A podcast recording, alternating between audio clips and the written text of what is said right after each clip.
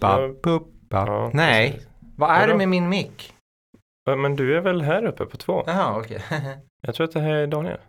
Jaha, är det jag? Är det jag det här? Ja. Ja.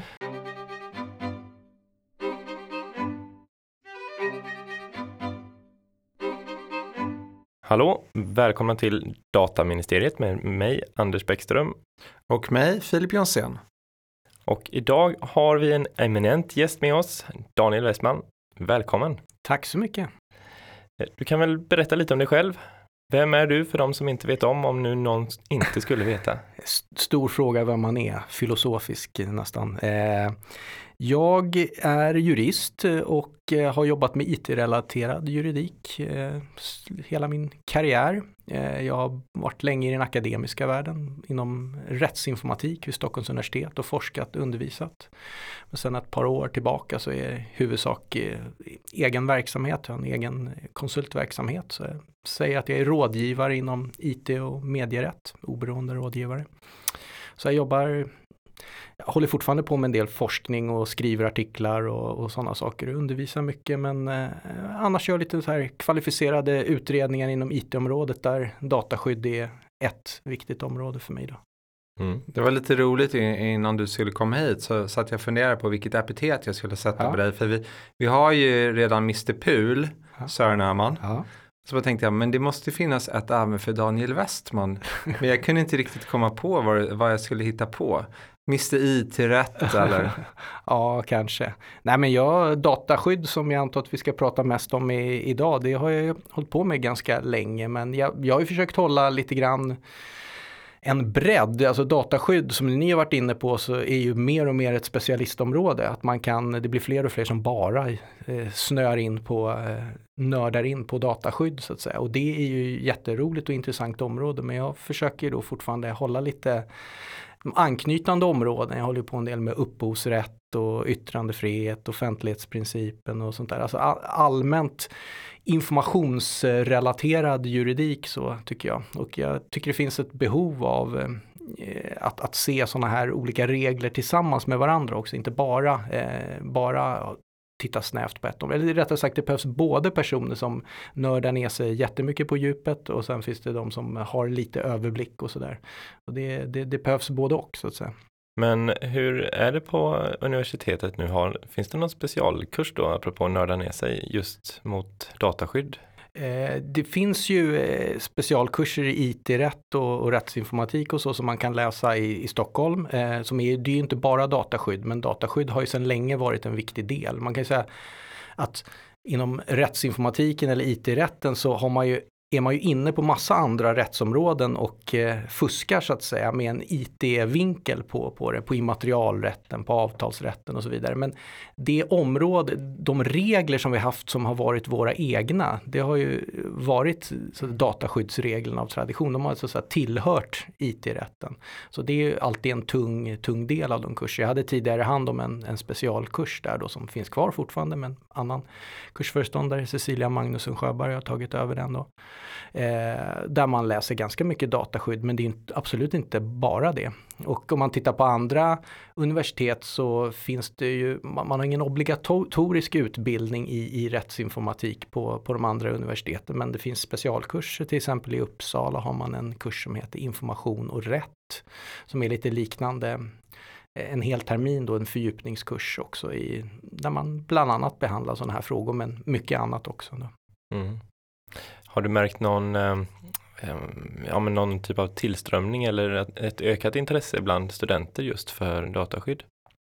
Absolut. Eh, nu, har jag inte varit så mycket på, på universiteten den senaste tiden och, och, och haft hand och liksom sett på tillströmning men jag vet att studenter eh, är ju alltid väldigt, eh, väldigt känsliga för vad som är nytt och hett, nya heta ämnen och det såg vi redan för innan eh, så att säga, GDPR hade trätt i kraft så var det en väldig uppsving av folk som ville skriva om rätten att bli glömd och det ena med det andra. Så att det har ju gått upp väldigt mycket, varit stort intresse, vilket är roligt. Nu är det mycket som skrivs om AI och sådana saker. Så att eh, studenter är, är, är, är jätteintresserade och eh, så har det varit under ganska, ganska lång tid att många studenter är intresserade men, men långt ifrån alla och en del tycker fortfarande det här är lite konstigt. Jag började läsa juridik för jag skulle slippa hålla på med datorer eller några tekniska saker. Eh, så, eh, så finns det en del som tycker så att säga. Så att, Men jag kommer ihåg när jag började, jag började läsa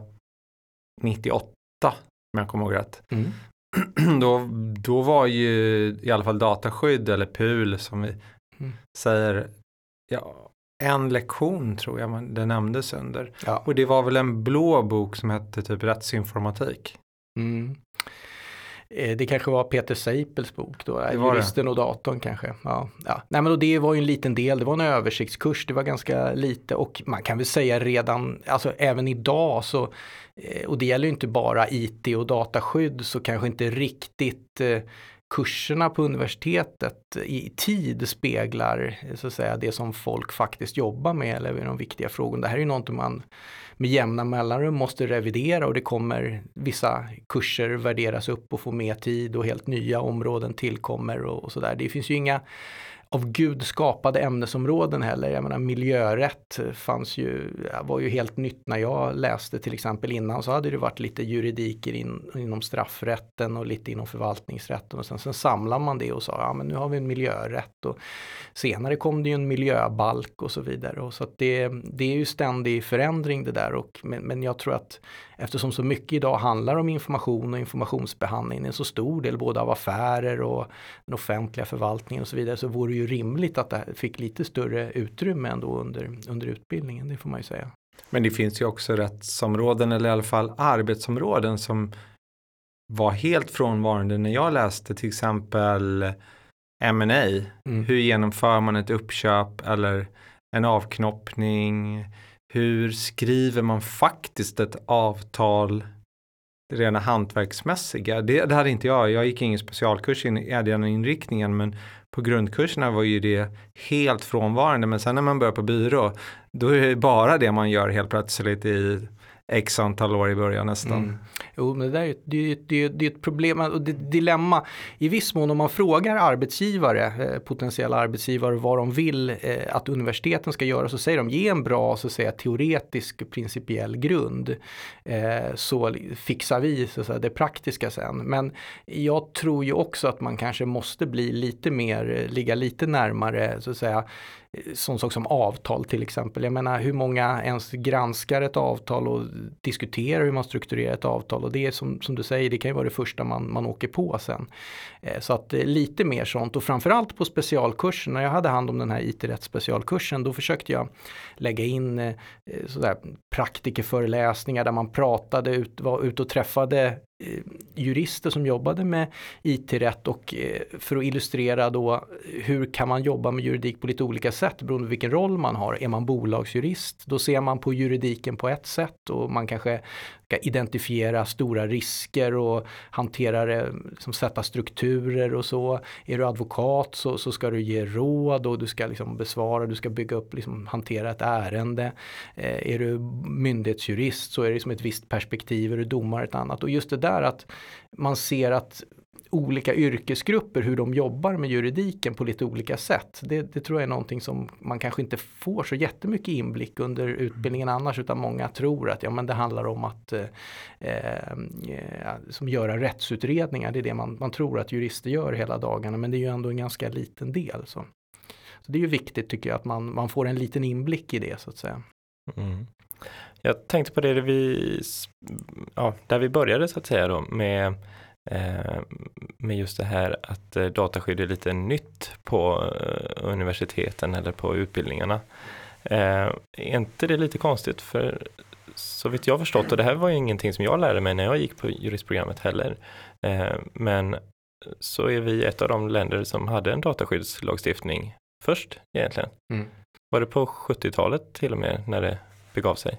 Precis. Svenska datalagen är ju den, eh, den första så att säga, på eh, nationell nivå, eh, dataskyddslagstiftningen. Det fanns ju på en delstatlig nivå i, i Tyskland innan, innan men Sverige var första. Eh, och som sagt var, vi har ju haft det här i utbildningen just i, i Stockholm har vi haft det som en, men en väldigt liten del och eh, det har ju varit lite ett nischområde och på den tiden kanske det var rimligt också för att eh, om man kommer ihåg hur, hur, när, när datalagen antogs, vad, hur såg databehandlingen ut då? Det var ju eh, gubbar och gummor i vita rockar backar. Eh, jag praoade en gång i tiden när jag var på, eh, när jag gick i grundskolan eller gymnasiet eh, på, på Riksskatteverkets datacentral. Man fick gå och hämta så magnetband och sätta in och så flytta och hämta. Och, och, och innan dess var det ju hålkort och sådana här saker. Alltså datorer var ju då eh, någonting väldigt speciellt i vissa verksamheter. Det var lite riskfylld verksamhet då som man hade på några stora myndigheter och företag och så. Och då, det var ju då vid den tidpunkten de här dataskyddsprinciperna principerna utvecklades. Eh, och då, då, var det ju verkligen ett specialområde får man ju ändå säga. Sen har ju som alla vet en enorm utveckling att datorer används till allt och framförallt det här med kommunikation och sånt som man inte alls förutsåg på den tiden när man antog mm. dataskyddsreglerna. Att datorer skulle användas var nästan synonymt med att kommunicera. Det, det, det, det, finns ju väldigt få spår av det när man läser förarbetena till datalagen till exempel. Och så. så det har ju förändrats mycket. så att jag brukar säga att det är både den tekniska förändringen och den rättsliga förändringarna som har gjort att det har blivit så mycket viktigare och mer betydelsefullt. Alltså det, det, är jätteintressant, för jag jobbar ju på myndighet ganska länge och då, där grottar man ju verkligen ner sig i förarbeten. Både proppar, SUR och departementspromemorier och gud vet allt. Och gå tillbaka så långt det någonsin går för att hitta vad man egentligen menar idag med någonting. Och där har det skett en jättestor förskjutning från ett tekniskt perspektiv till exempel med varför skulle man gallra uppgifter för länge sedan? Jo, det var ju för att det gick inte att spara så mycket information. Medan idag känns det som att det är enbart integritetsperspektivet. Så det där, bara där har det skett en jättestor förskjutning och så har det ju generellt de här olika typerna av lagstiftningar. Jag tycker det är ganska viktigt att komma mm. ihåg. Så, så kan det vara, nu tror jag i och för sig att man just när det gäller arkivering att man både diskuterar så att säga, liksom brusproblematiken, att man måste få bort lite för att det inte ska bli för mycket brus. Och så kan det finnas integritetsöverväganden. Eh, men det är definitivt som du säger att en lagstiftning, när den väl finns på plats så får den ett slags självändamål. Så att säga. Det kan man ju se på dataskyddsområdet och kan få ett nytt rättfärdigande, kan få nya argument för det. Eh, samma sak på upphovsrätten kan det ju vara då att man, när man väl har så man antar en lagstiftning med ett visst syfte men sen fylls den efteråt med en annan, en annan grund så att säga. Och det, det där är ju särskilt lagstiftning som låses fast genom internationella fördrag och, och, och, och så tunga EU-lagstiftningar och sådana saker. De blir ju väldigt, det är väldigt, väldigt svårt att ta bort någonting som man antagit. EU är jätteduktiga på att producera massa nya regler. Men det är ju väldigt, väldigt sällan man tar bort någonting så att säga. Och det där gör ju att allting blir mer och mer komplicerat, saker läggs på lager på varandra och, och sådana där saker. Men, men det, det, är en helt riktig iakttagelse just det där om att eh, eh, argumenten för någonting kan skifta över tid. Eh, det är ju tydligt med dataskyddet också att det har fått en att det har kommit in en mer så att säga, rättighetsdimension i det nu som kanske inte var lika tydlig från början. Eh, så, där. I EUs rättighetsstadga tänker jag på då. Mm. För att anknyta lite grann till att du i din kunskapsbas, vad var det du forskade om? Jag, jag har ju fortfarande liksom ett, ett, avhandlingsprojekt som jag inte avslutat här då som, som eh, handlar om tillgång till myndighetsinformation, access till myndighetsinformation. Så det är offentlighetsregler och relationen till det och dataskyddsregler och eh, upphovsrätt. Så att det är gränsytan mellan de här olika lagstiftningarna då eh, och hur man hanterar de avvägningarna mellan dem. Eh, så att, eh, och sen är det ganska mycket allmän teori kring att reglera information och hur information regleras och, och sådär. Så att det, det var ett gigantiskt projekt och eh, jag hoppas att gå i mål med det någon gång. Eh, och kanske får korta ner det på lite olika breddar och längder och sånt där. Men eh, jag har ju lyckats skriva en del andra saker och så i alla fall. Så att, men det, det skulle vara kul att bli klar med det där också någon gång. Ja, du är väl en av de som är med i flest olika utredningar känns det som. Du är expert titt som tätt. Ja, alltså det, en gång i tiden så var det ju inte så många som hållit på med IT-juridik så att säga. Eh, vi har inte varit så många i den akademiska världen. Så att eh, det är väl ungefär som eh, det är med journalister. Har de hittat någon person som de tycker är bra och fungerar så är man liksom på en lista och finns med. Så, så att, eh, och jag tyckte det var väldigt roligt. Sen är det också hur mycket man är engagerad. Att, att vara med i sådana här statliga utredningar eh, som jag lagt ganska mycket tid på på senare år som ju verkligen ingenting man gör för att tjäna några pengar men det är ju väldigt eh, intressant. Eh, jag känner ju till det här gamla uttalandet av Bismarck. Det är två saker man inte vill veta hur det liksom se från insidan hur det går till. Det är hur korv tillverkas och hur lagar kommer till. Och det är, samtidigt är det ju lite spännande att se. Korvar vet jag inte så mycket om om det är så intressant men, men lagtillverkningen är ju faktiskt väldigt intressant. Och har man varit i den akademiska världen eller jobbat som rådgivare så är man ju ofta lätt att tycka så här, men varför gör man inte så här och varför är det inte på det här sättet. Men när man väl sitter där själv och okej nu har vi det här direktivet och nu har vi de här kraven. Nu måste vi ändå komma fram med någonting här och det, det, det, det är inte så lätt att eh, det, är betydligt svårare att vara konstruktiv än, än att, så att säga, vara kritisk mot det som någon annan har gjort. Ni har säkert också varit med och svarat på remisser och sådana saker. Det, det, är ganska lätt att hitta fel och sådär.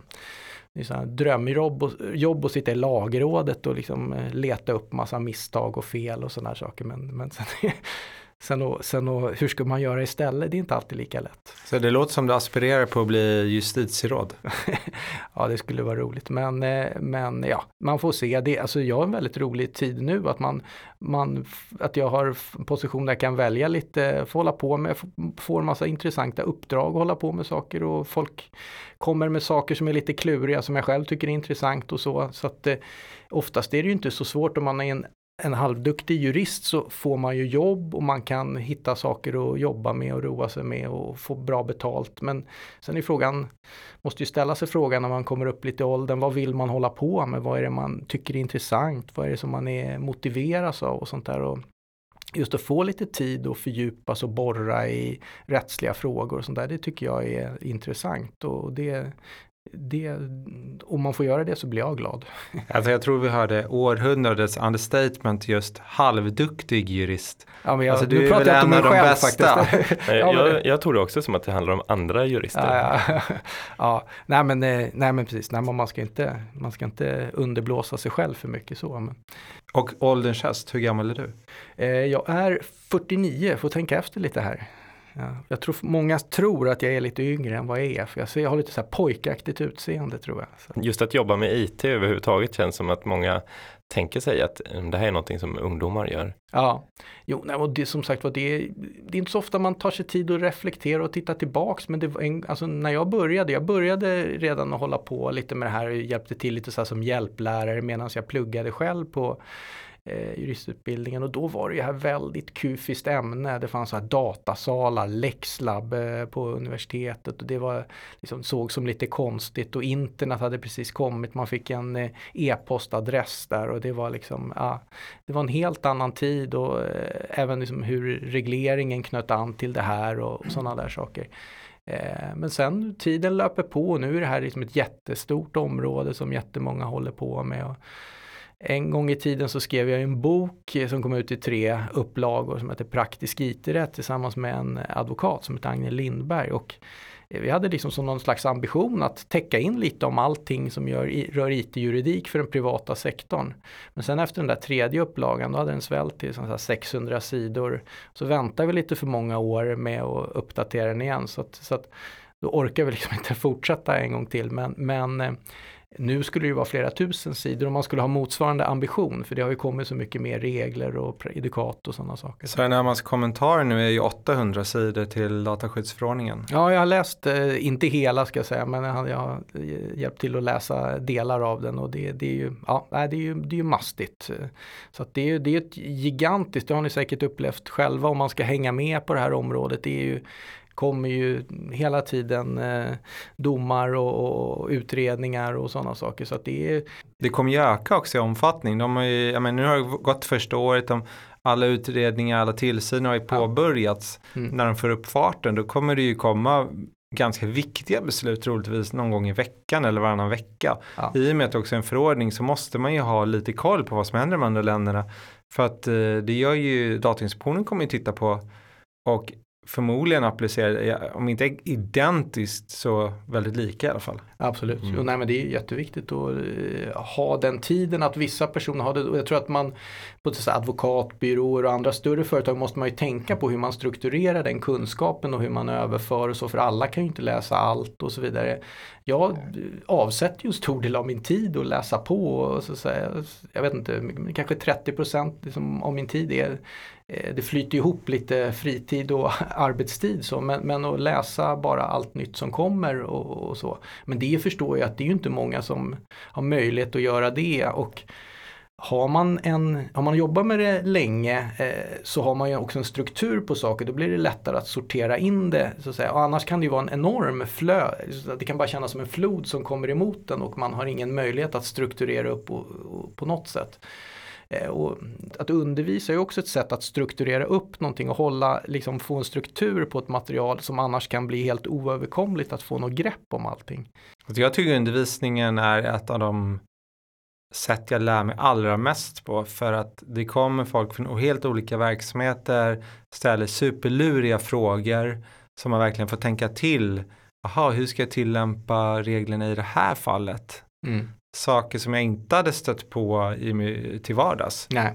Och sen tvingas man ju ha en struktur också för att eh, om du jobbar praktiskt med någonting så kan du bli jätteduktig på en specifik fråga som du har jobbat väldigt mycket på. Du har fått en fråga om någonting så har du borrat och grävt ner det men sen går du lite åt sidan och tittar på någonting så har du ingen koll alls på det. Men om du, om du ska ha en kurs för eh, yrkesverksamma jurister till exempel så, så måste du ju kunna ha en struktur där du täcker in allting. Så då tvingas du ju hålla, hålla det uppdaterat. Det, det tycker jag är, är, det är ju väldigt roligt och, och, och hålla på med det. det. Sen är det ju krävande så att det, det är ju inte riktigt så att eh, kanske alltid ger full liksom, valuta för pengarna men det är ju, man måste ju också känna vad som är roligt och vad får man tillfredsställelse av. Så, där, så det är ju viktigt. Mm.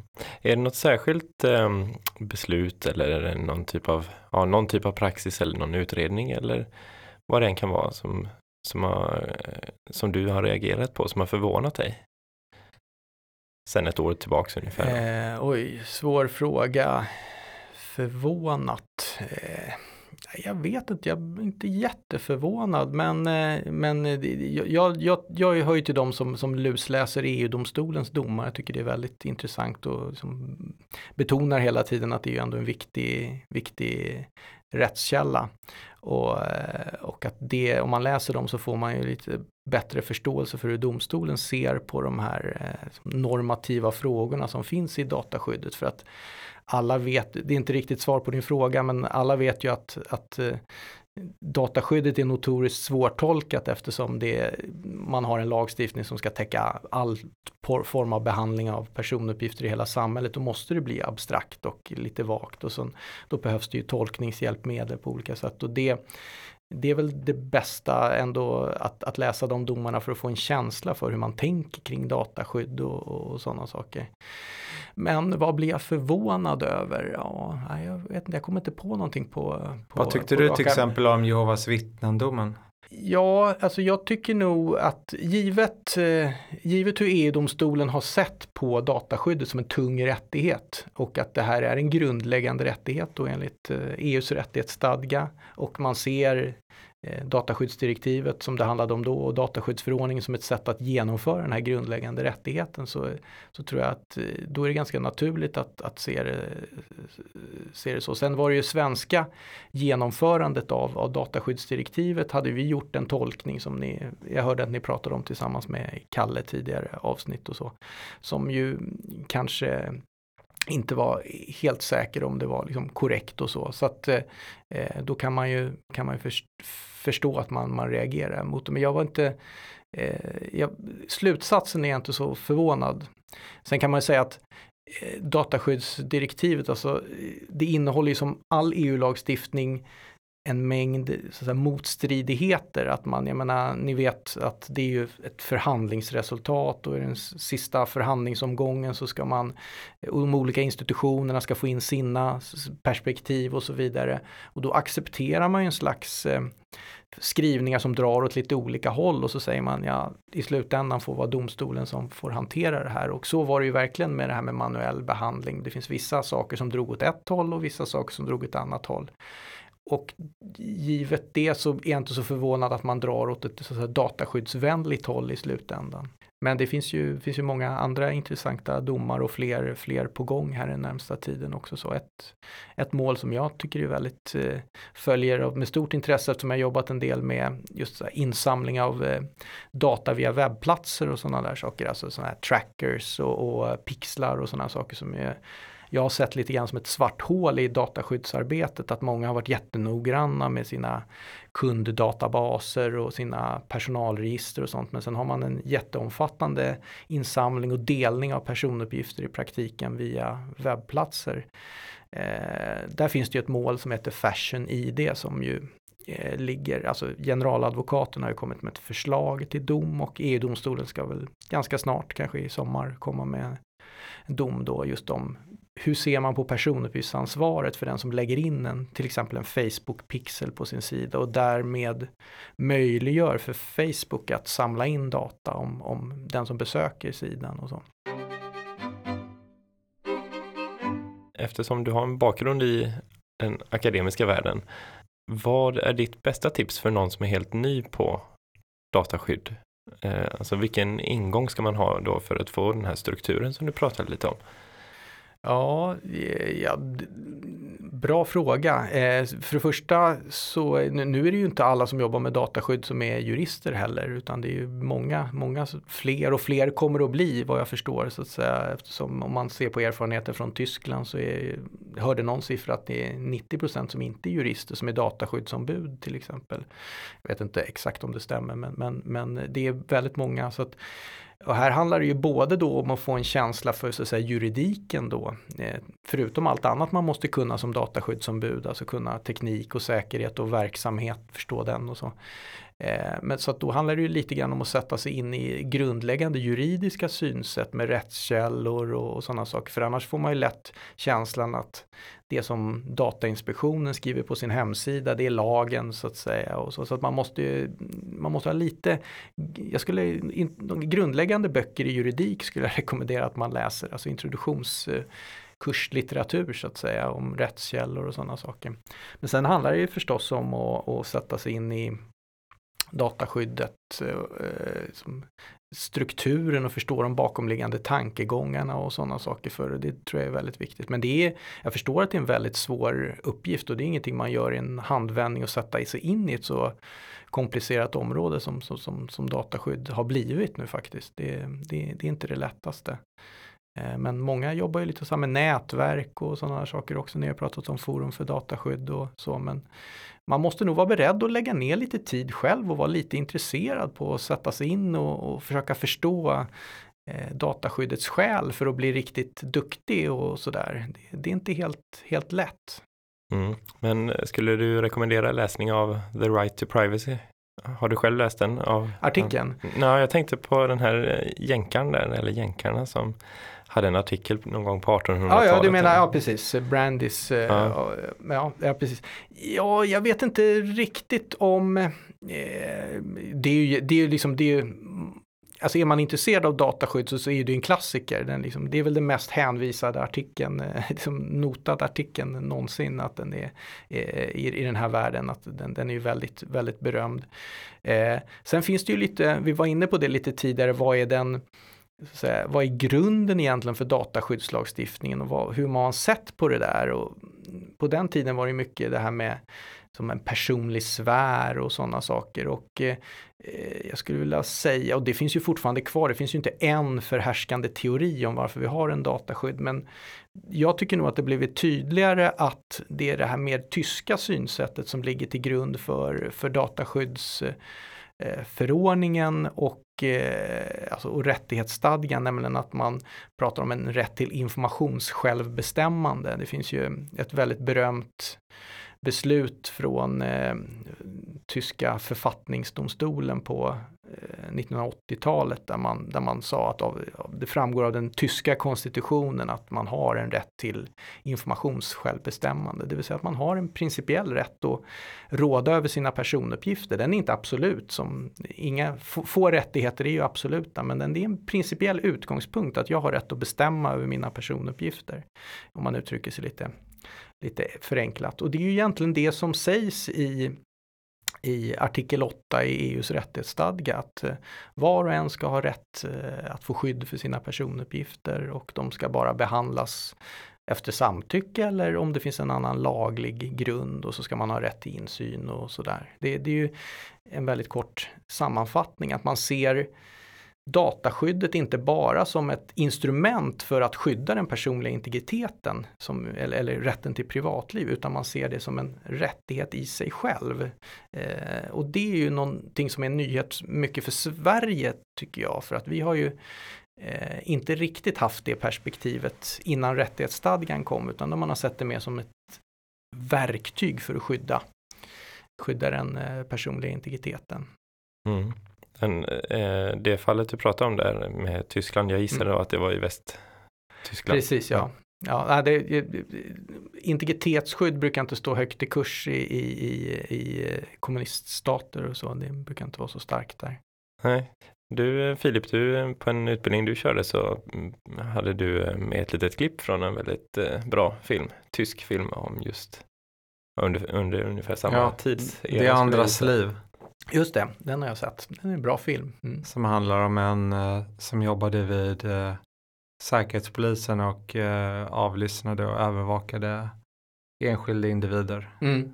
det, det var inte en dokumentär, en spelfilm. Nej, nej, men den, den är bra, den kan jag också rekommendera. Den är ju, det är ju lite mer det, det klassiska integritetskränkande att man sitter och lyssnar på vad någon säger och, och sådana där saker. Och, och eh, men, men här har man ju Idag har vi en annan typ av, om man, alltså dataskyddet är ju inne på massa, massa olika om du har hela den privata sektorn och de utmaningar som finns där med Facebook och Google. Sen har du ju den offentliga sektorn och säkerhet och övervakning och sånt där. Då är det ju mycket det här numera eh, liksom det här med metadata, datalagring, liksom hela Snowden och den diskussionen.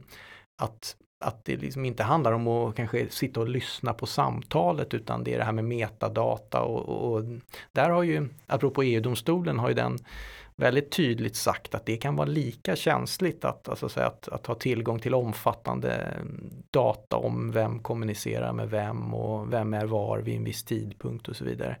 Det kan vara lika känsligt som själva innehållet i, i kommunikationen.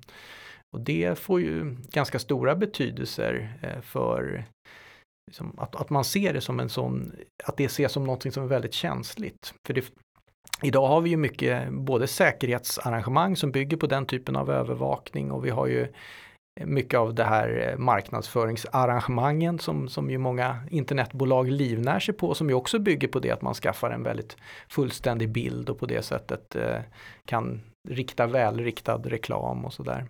Alltså ofta skulle jag säga att det är mycket mer intressant för det är mer åt fakta än innehållet. För, för innehållet kan man ju styra själv över. Medan metadata, det styr inte så mycket själv över. Utan det är vad det är. Det var de här två telefonnumren som kommunicerade. Mm. De, ja, de var uppkopplade mot de här mobilmasterna. Samtalet varade den här längden.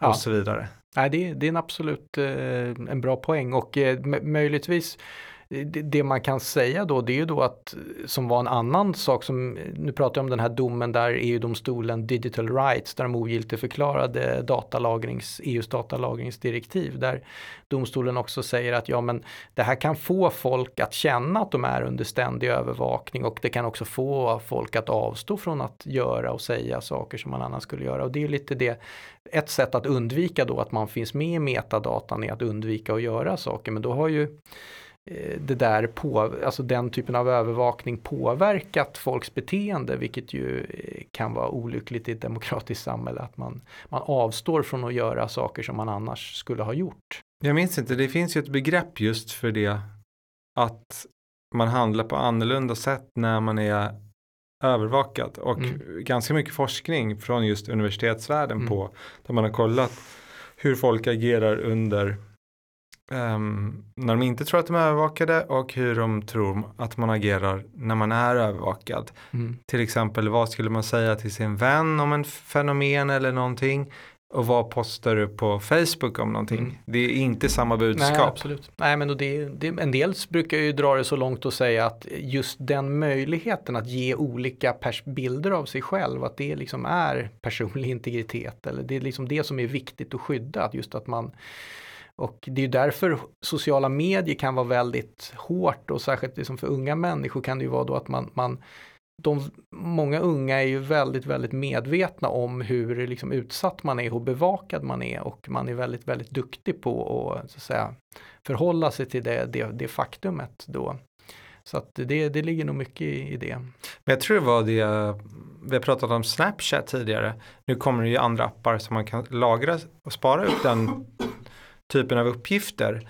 Men det, i alla fall när jag har hört intervjuer med unga, är ju en av anledningarna att ja, men jag är bara intresserad av att se den där ögonblicksbilden. Jag vill, jag vill inte spara sms som man själv. Jag har ju aldrig raderat ett sms hela mitt liv. Jag har ju bytt telefoner så jag har förlorat smsen som tur är. Nej. Men i princip så är man ju någon typ av ekorre och bara sparar. mm. Har du inte en autofunktion som raderar bara för att det tar, utrymmet tar, tar slut? Nej, då köper man bara mer utrymme i Eller en ny molnet. telefon? Mm.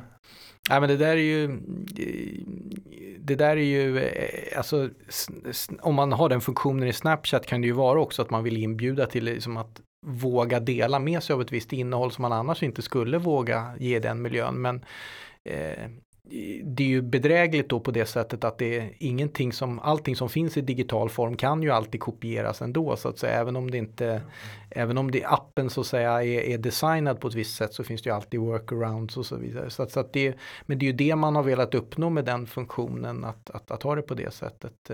Men sen det ni tar upp det här med med lagringen, att det är billigare att köpa nytt lagring. Så det där är ju en gigantisk utmaning när liksom hela dataskyddet bygger på en tanke att man ska så att säga, hela tiden överväga vad är nödvändigt och vad ska vi spara och så vidare. Och det är mycket mer kostsamt att gå igenom gammalt material och ta ställning till vad som är relevant och så vidare än, än att bara hela tiden lagra mer. Och då, så då, det där, där får ju dataskyddet verkligen en eh, där ställs ju det verkligen på sin spets och skapar friktion i, i, i liksom en, en sån miljö där det fungerar på det sättet. Tidigare var det lite lättare när du beskrev den här gamla miljön att, att det var dyrt med lagningsutrymme och liksom sådana här saker och man kunde inte spara allting och så.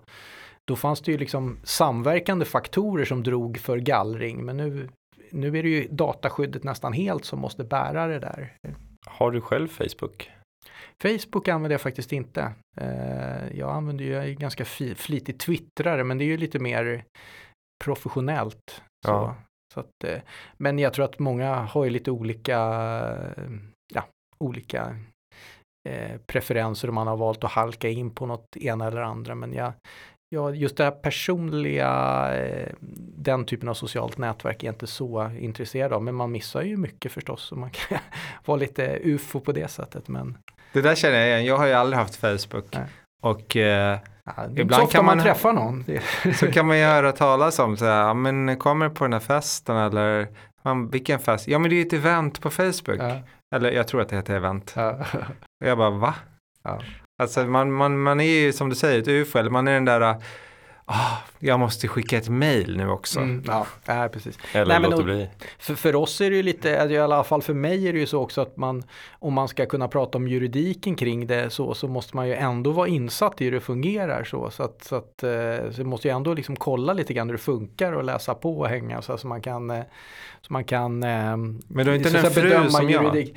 För jag, jag, Jo, man kan jag haglar ju frågor till min fru och Ja. hon använder Ja. Facebook jättemycket. Ja, ja, då kan man få lära sig allting där. Nej, men jag, jag har liksom hela tiden hängt med och, och så. För, ju- just därför att eh, en viktig del om man jobbar med, med IT-juridiken är ju så att säga att sätta sig in i den eh, liksom, tekniska verkligheten förstås. Jag menar juridiken är ju en sak men sen mycket handlar ju om gränsytan och förstå, eh, förstå tekniken för att kunna applicera reglerna. Det, det är ju det där som är, stora utmaningen vi har, som ni säkert har stött på i era jobb och sådär, att vi har de som är jätteduktiga på juridiken, så har vi de som är jätteduktiga på affärer och teknik och sådana saker. Men det är ofta svårt att mötas så att säga. Nu, nu börjar det ju bli mer och mer bättre och bättre att, så att det finns lite personer som ligger där mitt emellan och har lite förståelse för, för båda världarna och kan fungera som bryggor och sådana här saker. Men det, är ju, det där är ett ständigt problem både i privat sektor och offentlig sektor hur man förstår varandra och era,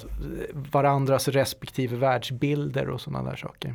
Alltså jag måste bara beröra lite mer där Facebook. Har du en legend? En legend? Det vill säga en fake-profil som du har byggt nej, upp. Nej, nej, nej, nej det, det, får man väl inte ha. inte enligt uh, terms and conditions, men, men jag tror nu att var det inte det kom ut att det var x antal procent som bara är fake-profiler? Ja, alltså det är ju miljontals nya fake-konton som registreras varje månad. Så att de är ju, det är ju ett enormt jobb och eh, så att säga, bara för Facebook att plocka bort allting. Det är allt det här med, med bottar och, och sådana där saker som, som ska användas på, till olika saker. Så att det är ju ett gigantiskt jobb. Så det, det kan ju hända att jag har, ett, att jag har en profil eftersom jag inte har det själv. Mm. Någon kan, annan kan ju skapa ett Filip Jonsén på Facebook. Så kan det vara. Och jag hade en son som hade Facebook och eh, när han skulle avregistrera sig så, så först, avregistrera, liksom först kan man pausa det ett tag, sen ska det avregistreras efter ett tag men det hade inte gjort det, det poppade upp så att säga och fanns, fanns kvar och så och frågade vill du inte aktivera igen och så. Nej, nej, jag vill verkligen radera. Eh, och det är klart, man kan ju ha viss förståelse för att eh, det ska få finnas kvar ett visst tag. För någon kan ju gå in på ens konto och så, så här, begära radering av det och så. Så att det, att det ska kunna vinnas tillbaks efter en viss tid. Men, men vid någon tidpunkt måste det ju slutligen tas bort naturligtvis. Ja. Hur gammal är han?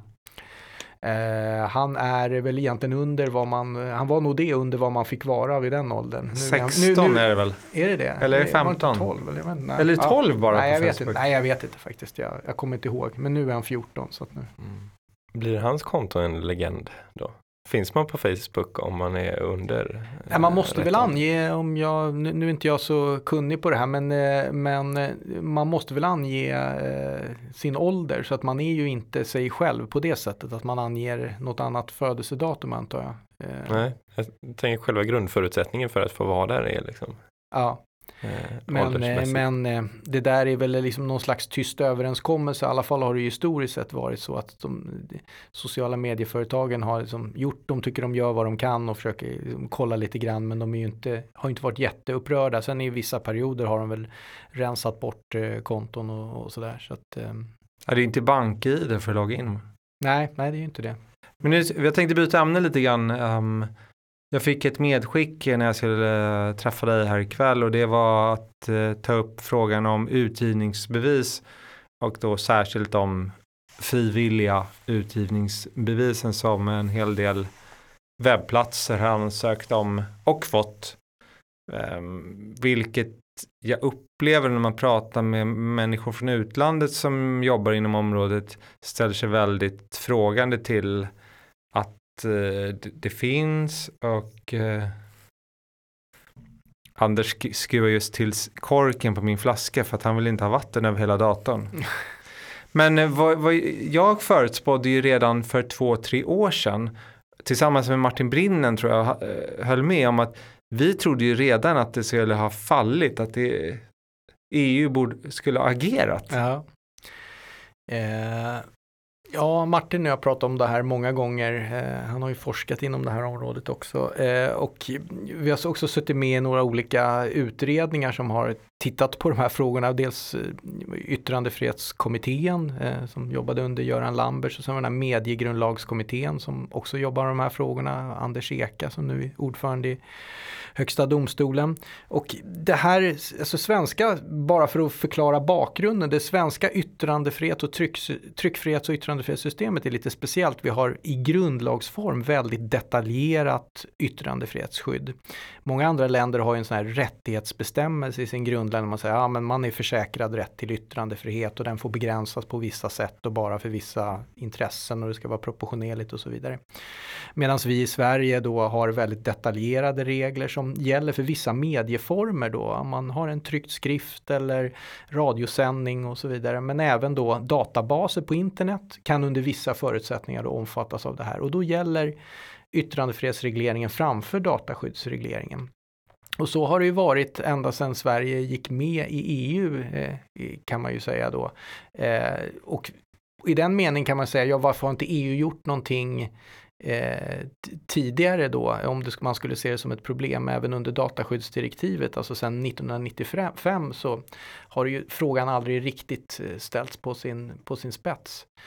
Eh, sen kan man ju säga att det här förhållandet eh, inom dataskyddslagstiftningen förstår ju också att det finns en motsättning mellan yttrandefrihet och dataskydd. Det handlar ju om två grundläggande rättigheter som måste vägas av mot varandra. Men det EU-rättsliga perspektivet på det här är som sagt var mer en avvägning i det enskilda fallet där man så att säga bedömer vad är rimligt att vilka typer av personuppgifter ska man få sprida.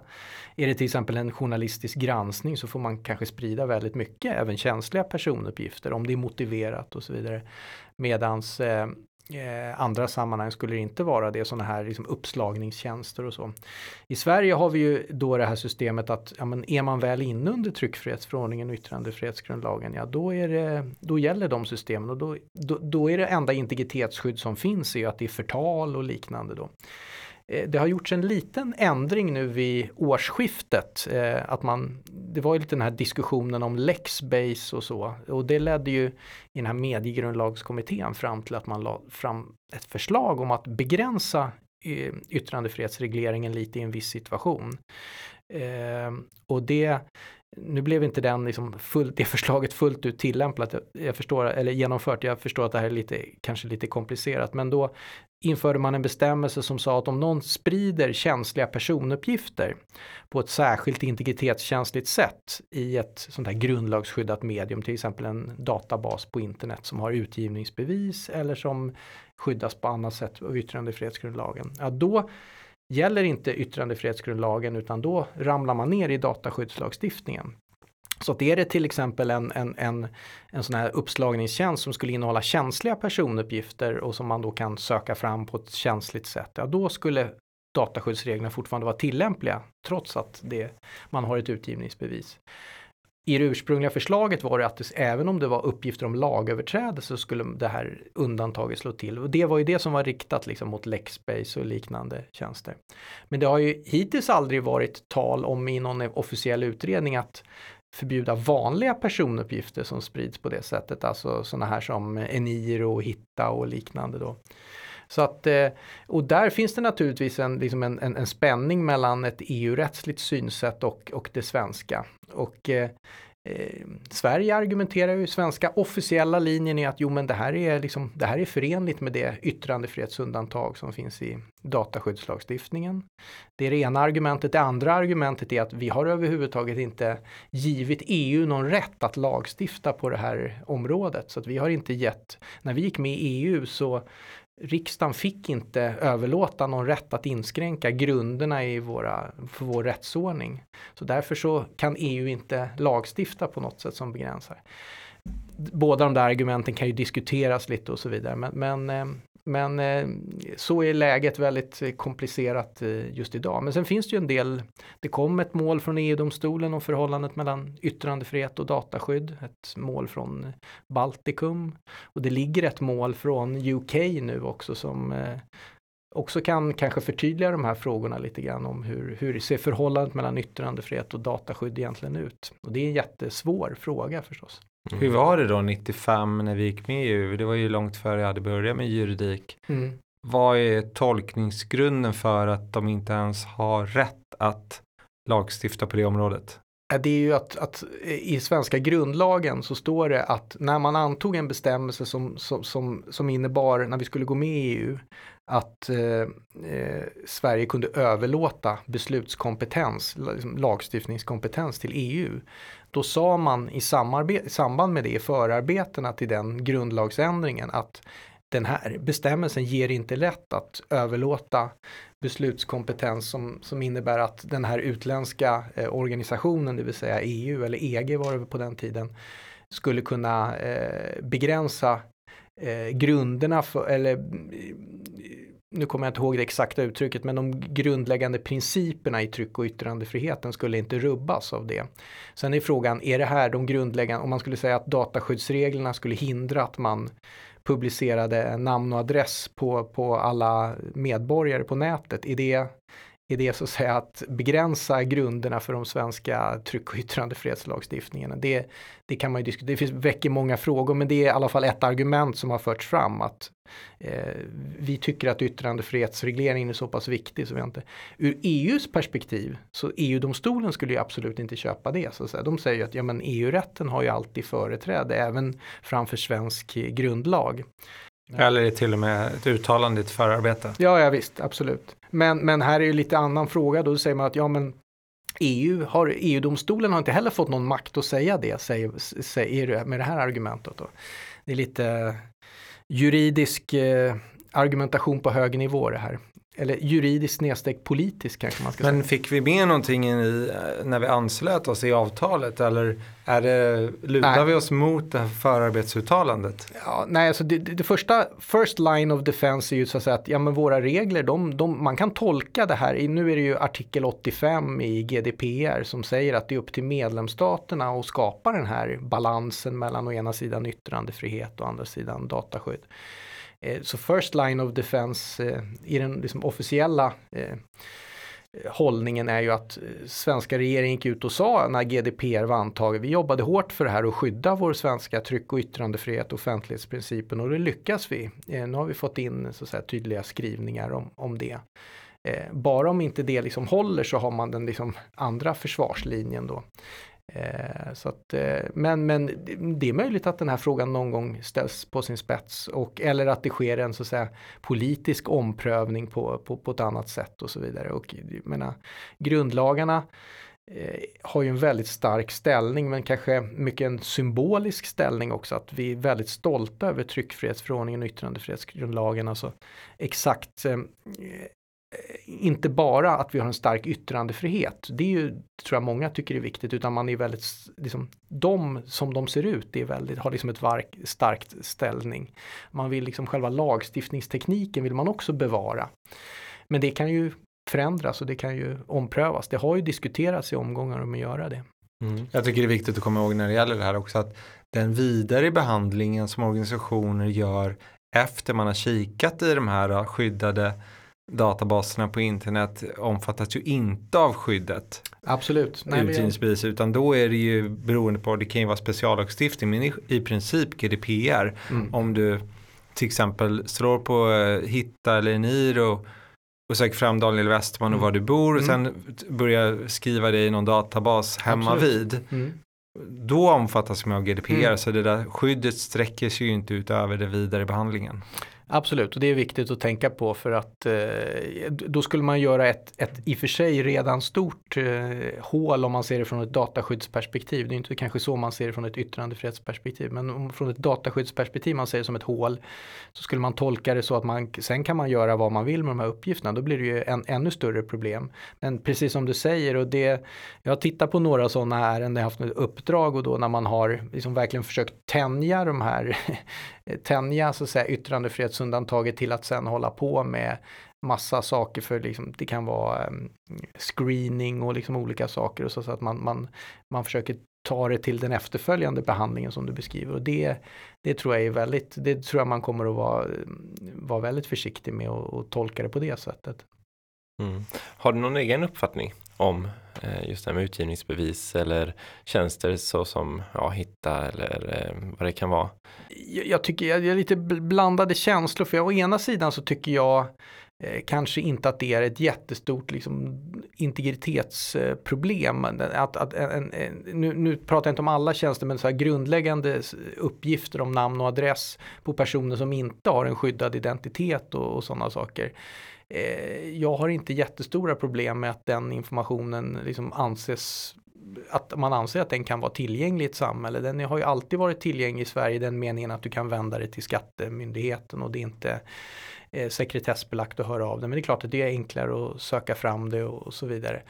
Så att med, ser man det med dataskyddsglasögon så är det ju mer svårförståeligt naturligtvis. Eh, Eh, Eh, och, ehm, så att jag, jag, jag, tror att det här är mer är en, så att säga, kanske en konsekvens av vår yttrandefrihetsmodell än att det egentligen är medvetet val att man vill ha det på det här sättet. Och sen är frågan hur långt ska man gå för att täppa till det här hålet? Och varje gång man täpper till ett, ett hål så är risk att yttrandefriheten skadas på något sätt som, som leder till mm. oönskade effekter och det, det är väl det man eh, har varit rädd för. Men, Men en intressant aspekt av det är ju också att eftersom ni inte omfattas av dataskyddsreglerna så har de ju inte heller någon skyldighet så vitt jag förstått att hålla uppgifterna uppdaterade och korrekta och så vidare. Så att det, man kan ju inte heller lita på dem om man, om man tittar på sig själv mm. på Enir och Hitta så är det ju ofta inte relevanta uppgifter utan det kan vara ett par år gamla uppgifter. Mm. Och det skulle ju kanske inte accepteras under GDPR. Nej, och där blir det ju liksom lite konstigt också för att om man, man ser det mer som ett, det här är media som publicerar mm. någonting vilket ju är lite grann det som är tankegången med TF och YGL att ja men nu ser vi sådana här databaser på internet, det är som inom citationstecken tidningar som publicerar olika saker. Då skulle man ju ha kanske olika pressetiska regler och sådana saker. Skulle man inte publicera den typen av, om uppgifterna inte är korrekta så skulle man inte ha dem och så vidare. Så det är klart att det, det finns ju helt, helt eh, klart problem. Eh, Sen har vi en annan, det finns ju, vissa av de här sidorna har ju, det samlar ju på sig information från jättemånga myndigheter. Mm. Um, och det kan ju vara bygglov och allt möjligt ja. som helt plötsligt ligger där om en själv. Uh, en del andra har ju personnummer även inklusive fyra sista ja. siffrorna. Mm. Och där börjar man ju tror jag många börjar känna så här, oh, det här börjar bli lite obehagligt. Ja, jo, mm. och jag tror att just kombinationen, det, det som är stora problemet och det är samma sak med Lexbase, att det, det stora Eh, alltså vi är ju väldigt stolta både över offentlighetsprincipen och vår starka yttrandefrihet. Och det, eh, problemet är så att säga eh, när man skapade tryck och yttrandefriheten från början var det ju bland annat för att man skulle kunna publicera allmänna handlingar och så. så att det var ju, men vid den tidpunkten så, eh, så var ju det liksom en ganska eh, liksom, eh, liksom, eh, liksom, trög process och så, det utnyttjades inte i jättestor utsträckning. Nu om man väldigt lätt kan hämta ut stora mängder information och enkelt lägga ut allting så blir det ju så, så, någonstans att, att både yttrandefriheten och offentlighetsprincipen är så väldigt generösa. Det gör ju, vilket ju i grunden jag tror många är positiva till och tycker är bra, men från, från ett dataskyddsperspektiv så kan det ju som det, beskriv, som det beskriver när det hämtas från olika källor och sånt så kan det framstå som mer, mer stötande om man gör på, på det sättet. Så att, eh, jag tror nog att det kommer att Alltså det, det, de vindar som blåser är nog att det kanske kommer att justeras på något sätt. Det kommer inte att vara enkelt och, och, och smidigt men det, det, kommer nog att göra, göras en del justeringar. Jag, jag sitter ju med i Datainspektionens insynsråd. Jag vet att av deras klagomål som de får så är ju det en väldigt stor andel av att folk mm. klagar på just de här eh, tjänsterna eh, mm. på, på, nätet. Eh, och då säger de att ja, vi kan inte göra någonting. Och nu kan de ju göra någonting i vissa speciella situationer då när det handlar om känsliga personuppgifter. Men på det hela taget så är det ju väldigt begränsat. Vad gör egentligen Datainspektionens insynsråd? Eh, insynsråd är en lite så här konstig svensk konstruktion kan man säga. En gång i tiden så var ju, hade de flesta myndigheter styrelser eh, som liksom i bolag. Så, så var styrelsen som ytterst fattade besluten.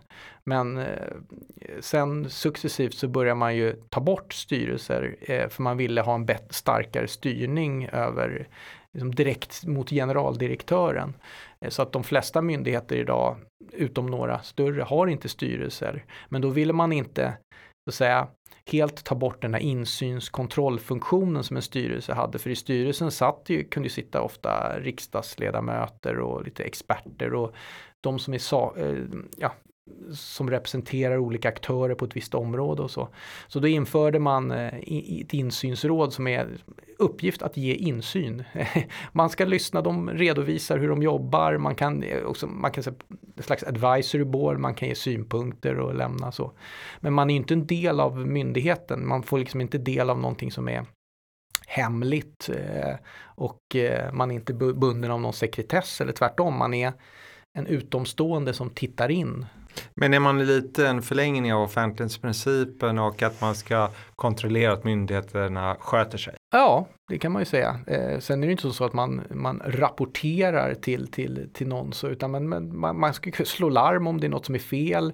Man, jag ser det ju lite som att man hjälper och påpekar, nu hör jag det här, att nu, sitter, nu pratar folk om att ja, det här är vi väldigt missnöjda med och, och liksom så, så, så är det sådana saker som kan föra fram.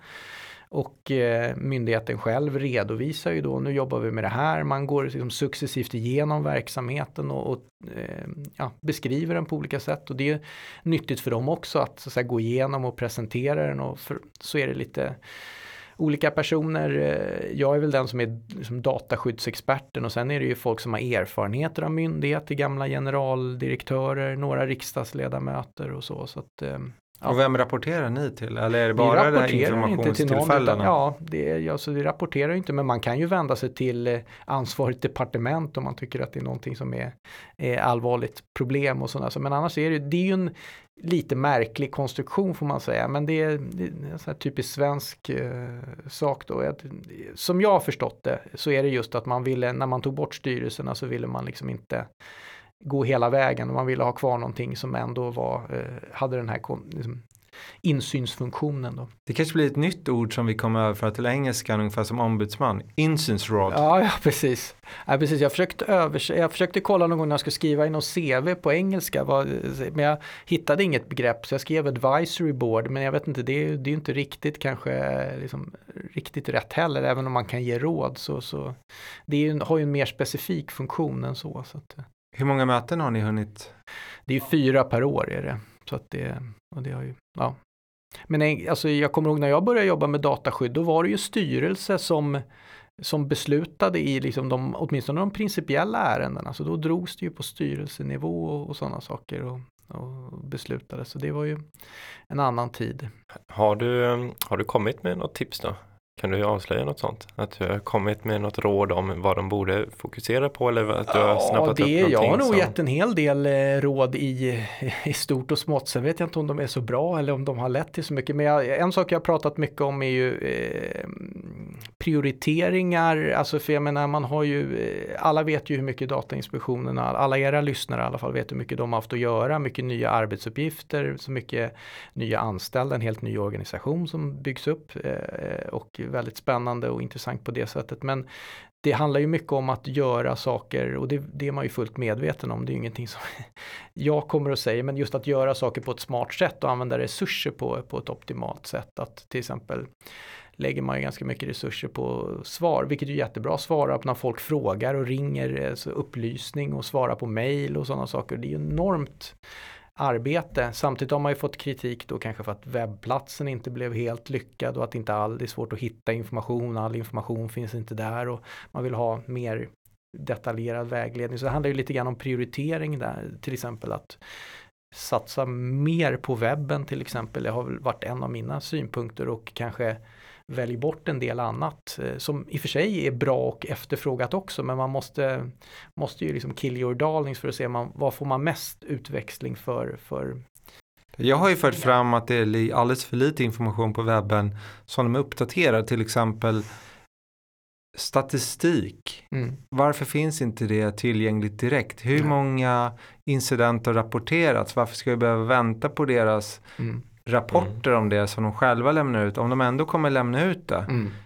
Ha, ha en dashboard på nätet där man mm. ser antal incidenter, mm. där de hade jättebra statistik vad de mm. berodde på, mm. kom ju i integritetsrapport och så vidare. Mycket av det där som jag tror, jag vet inte, men jag tror att en mängd av de begäran ut om allmän handling eller uppgift handlar om sånt de skulle kunna lägga ut. Mm. Jo, nej, men det, det, det är sådana saker som har tagits upp också och jag, eh, jag tror man har varit medveten om många av de här problemen som har funnits har man varit medveten om men man har liksom inte det har inte förmått att just under det här året ta tag i alla saker. Men nu finns det till exempel om just det här med en, en särskild kommunikationsavdelning, en kommunikationschef så att man ser över hela just de här flödet av information. Och jag håller helt med dig att, att man Eh, man kan undvika massa andra frågor. Det är samma sak med upplysningsfrågor. Har du en väldigt bra webb eh, så kan du ju ha väldigt korta svar när någon skriver och frågar någonting eller ringer. Det finns på den här sidan, läs där istället.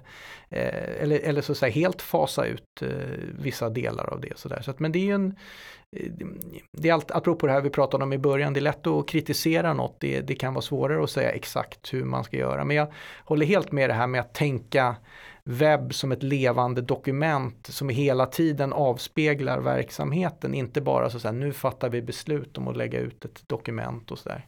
Men det kan även vara att skapa större förståelse för deras processer. Mm. Vad händer med en incidentrapport om man lämnar in? Mm. Va, vad händer i första skedet? Eh, nu har ju alla begärde ju ut det där från Polan och Pyret mm. så man fick med den här triageblanketten. Varför hade de inte berättat det ja. redan innan? Vad händer med när man skickar in ett ärende? Många myndigheter har nu på nätet handläggningstider. Mm. Till Absolut. exempel för bygglov, det står exakt hur många mm. veckor det kommer ta. Ja. Och det blir vanligare och vanligare, men ja. på Datainspektionen där vet jag, vi pratade med Johan och Johan mm. och de hade skickat in någonting i maj, de fick en handläggare utsedd i år. Mm. Medan man, förmodligen när de skickade in det så tror jag inte de förväntade sig att det skulle ta åtta månader bara för en handläggare. Nej. Men jag vill också säga att jag tycker att Lena Schelin har gjort ett fantastiskt jobb mm. under den tiden hon har varit där och verkligen fört ut Datainspektionen i debatten och synliggjort det. Mm, absolut, och jag håller helt med. Och jag, jag, jag, ser det som att man ligger, nu ligger man i startblocken, nu har man skapat en jättebra organisation, man har strukturerat upp, allt är liksom klart, men nu gäller det att börja liksom leverera, liksom sätta full fart. Eh, så att, eh, och det tror jag man, man kommer att kunna göra, men det, det, det är nu som är sanningens minut. Man kan ju kanske ha haft har haft en viss liksom, överseende med, med, på grund av allt som har hänt, eh, all, all utbildningsbehov, all förändring, uppbyggnad av en ny organisation och så vidare. Men, men eh, allt det du nämner är ju fullt rimliga eh, krav som man måste eh, liksom, ta tag och beta av eh, successivt. Ett, ett annat råd som jag gett är just det att Eh, folk ligger verkligen med örat mot marken eh, och lyssnar på vad säger Datainspektionen och vad är det som är på gång och så vidare. Att man, det är så lätt att bara sända ut väldigt enkelt eh, eh ett budskap så att säga. Som till exempel eh, en GD-blogg eller nu har de ju blivit jätte mer aktiva på sociala medier och sådana saker. Och det är väl det, det, det, det är ett sätt att visa vi håller på med olika saker, det pågår. Men, men precis det du säger så att också beskriva att just nu har vi de här utmaningarna. Vi vet att vi inte riktigt når upp till förväntningarna här eller det här är en fråga vi jobbar med och den har den här tidshorisonten och så. Det, det tror jag, jag håller helt med, det ökar förståelsen för att, för att man har sett problemet och eh, vi förstår att det är på gång och det, det är mycket att göra och men det, liksom, det kommer.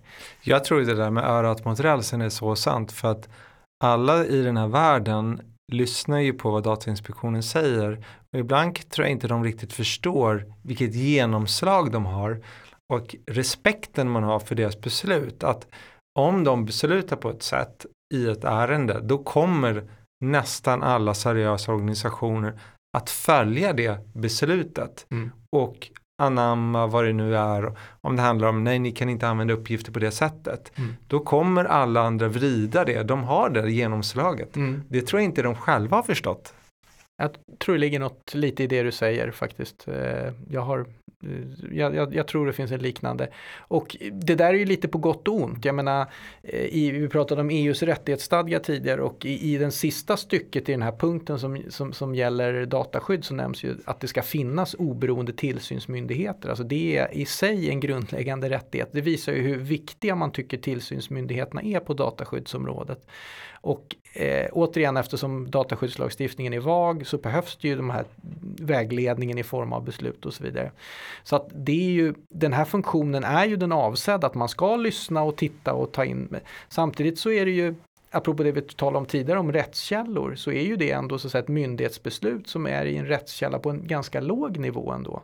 Nu står sig ju oftast Datainspektionens beslut vid överprövning men inte alltid och, och, och, så. Så att man måste både ha det här följsamheten, lyssna in men man måste också, brukar jag i alla fall predika, ha ett, så att säga, ett, ett eget kritiskt förhållningssätt och säga att ja men man kan åtminstone argumentera för att man kan se det på ett annat sätt. Ungefär som artikel 29-gruppen och Dataskyddsstyrelsens vägledningar att eh, jag menar även om 99% är så att säga fullt rimliga och eh, tolkningar av vad som står så, så ibland så kanske de sticker ut eh, hakan lite och gör tolkningar som kanske inte riktigt har fullt stöd och inte är säkert att det är på det sättet. Och eh, där finns det ju ett utrymme att argumentera för att nej, men det är inte riktigt det som står i förordningen att det är på det här sättet. Så att eh, den här dubbla förståelsen för liksom att ja men det är klart att det är en viktig källa till information men det är, det är inte lagen så att säga. Det... Nej, det är inte lagen, det är inte, det är inte en domstol men jag tror att nej. den står högre i rang bland praktiker än vad den gör enligt så här klassisk rättskällelära. Absolut, och, det, och kanske också på en del andra, om man jämför med en del andra områden än, än dataskydd, ett myndighetsbeslut på, på andra områden kan man kanske vara lite mer eh, försiktig som, som, som, som normkälla. Men återigen, det hänger ju lite grann ihop med, med dataskyddets speciella eh, karaktär och så. Eh, och sen får man kanske också skilja på vad det är för typ av beslut av Datainspektionen. Är det så att säga som är ett väldigt principiellt beslut fattat av generaldirektören när man har gjort en noggrann utredning större eller är det liksom någonting som har fattats på en lägre nivå i något speciellt sammanhang eller så. Så att, så att det är också, man får ju också kritiskt granska vad är det för typ av beslut och, och hur är argumentationen och så vidare. Så, så att, men, men det är ju den här saken som, det är ju här jurist Eh, kommer in när det gäller dataskyddet, apropå det vi pratade om tidigare, att eh, många som jobbar med dataskydd inte är, är jurister, att där kan det ju bli större problem så att säga att, att värdera olika typer av beslut och dokument och så, vad har de för tyngd egentligen och så. Och även det som vi nämnde inne förut, så här, när lagar står mot varandra, lex specialis, lex generalis, mm. uh, jag jobbar ju inom finansvärlden där vi otroligt regulatoriskt tungt. Där finns så mycket lagar som säger att vi ska spara uppgifter mm. för ja, det, det enkla då bokföring mm. som gäller i mm. princip alla men även till exempel för eh, penningtvätt, mm. eh, jo, nej, men det är att du kännedom om kund och så vidare och så vidare. Och det, där är det att som jag brukar hävda att man måste nästan vara jurist för att förstå att det finns kanske 20-30 lagar som kan vara tillämpbara i en enda situation. Ja, mm. ja absolut. Men man kan väl säga om Datainspektionen att de är lite som Fantomen. Att när Fantomen talar lyssnar man. jag ska framföra det. Ja. ja, nej men det, det, det, tror jag och det, det, det är ju så det ska vara. Eh, så. Så att, eh, men och sen Eh, om man är, för en annan seriefigur då, Bamse, är man liksom, har man mycket makt så måste man vara, liksom, måste man vara snäll också då. Man måste göra rätt och så att det, det, men det är en jätteviktig uppgift, absolut. Dataskyddsmyndigheterna har en viktig uppgift och man kan se det som något väldigt positivt att folk har förväntat sig mycket och velat ha vägledning och vänt sig dit och så vidare. Jag, jag kan ju tycka att det, det, finns också många andra som skulle kunna ge vägledning också. Man kan säga branschorganisationer och andra, mm. andra myndigheter skulle också kunna göra så att det, det, det, allting behöver inte heller gå via, via Datainspektionen och, och, och så. så att, I andra länder, bara gå till grannländerna, Danmark och Norge har vi sett mycket konsumentorganisationer röra sig även inom dataskyddsområdet. Mm. Så det har jag ju också väntat mig att det skulle vara, ske i Sverige, men det har jag inte riktigt sett än i alla fall. Nej, det var ju den här eh, anmälan om lokaliseringsdata gjordes väl bland annat av Sveriges konsumenter. Det var väl i, i och för sig efter något eh, underlag som man tog fram i Norge och sånt där. Men, men Sveriges konsumenter har ju engagera sig lite på liksom, inom det digitala området, eller en hel del rättare sagt på sistone och bland annat på dataskyddsområdet. Så det, det, där är ju en intressant eh, koppling, alltså dataskyddet har ju så många kopplingar. Du beskrev en eh, nyss Filip med, med, med, annan typ av eh, finansiell reglering till exempel. Men sen har du ju kopplingen till konsumentskyddet och sånt också med, med, med de regler som finns där och sådär. Så att det, det, där finns det ju säkert också mycket samarbete som behövs mellan Konsumentverket och, och, och eh, Datainspektionen till exempel. Så, så det, det är ju ingen brist på arbetsuppgifter. En av de intressantaste kopplingarna som faktiskt har växt är ju mot konkurrensrätten. Mm. Ja, den är jättespännande, den är men svår så att säga. Jag brukar läsa Economist och där har de ju varit inne ganska mycket på, på och skrivit väldigt mycket om det. Hur ska man hantera Eh, som här, de här dominanta internetaktörerna då eh, med alltså, traditionella konkurrensrättsredskap är lite, så att säga, lite trubbiga och är det egentligen ett så att säga, missbruk av dominerande ställning? Eh, det är ju inte det bara att vara stor och man tar inte ut några överprissättning som är sådär traditionellt konkurrensrättsligt problem. Men ett intressant beslut som ni kanske har läst om det är ju det här från tyska konkurrensverket, eh, Bundeskartellamt, där de säger Eh, att Facebook då har missbrukat dominerande ställning genom att så att säga påtvinga sina användare för långtgående villkor om personuppgiftsbehandling då. Eh, därför att de är så dominerande som vi var inne på tidigare. Vi, var, vi är ufon som inte använder Facebook. Vi, många känner sig tvingade in där och då tvingas de att acceptera villkor och då menade som jag förstår den tyska myndigheten att ja, men man skulle aldrig tvinga på de här långtgående villkoren om personuppgiftsbehandling om man inte hade den här dominerande ställningen. Så man det som ett form av missbruk. Det är ju onekligen att bryta lite ny mark och så. Men det, jag kommer ihåg det, jag tolkar det precis som du också, att det var det de sa. Mm. Men, men det, och det där diskuteras ju mycket både i, i i USA och eh, Europa nu. Och, eh, Läste du den artikeln, i var väl i New York Times av den här Facebook-grundaren? Mm. Alltså den artikeln var ju, den var ju briljant mm. skriven. Mm. Jag blev väldigt avundsjuk mm. på att han var så duktig. Sen vet jag inte om han har rätt i sak. Nej, Nej, eh, alltså det, nu är det ju, alltså det, apropå det här vi pratade om tidigare, att, att det är lätt att kritisera någonting. Alltså jag, jag tycker det finns ju befogad kritik nu mot, inom citationstecken, ett begrepp som jag inte gillar, internetjättarna, för det liksom antyder, amerikanska internetjättarna, då antyder det också någon slags eh, eh, europeisk protektionism och så. Men, men det är klart att det finns mycket anledning till kritik.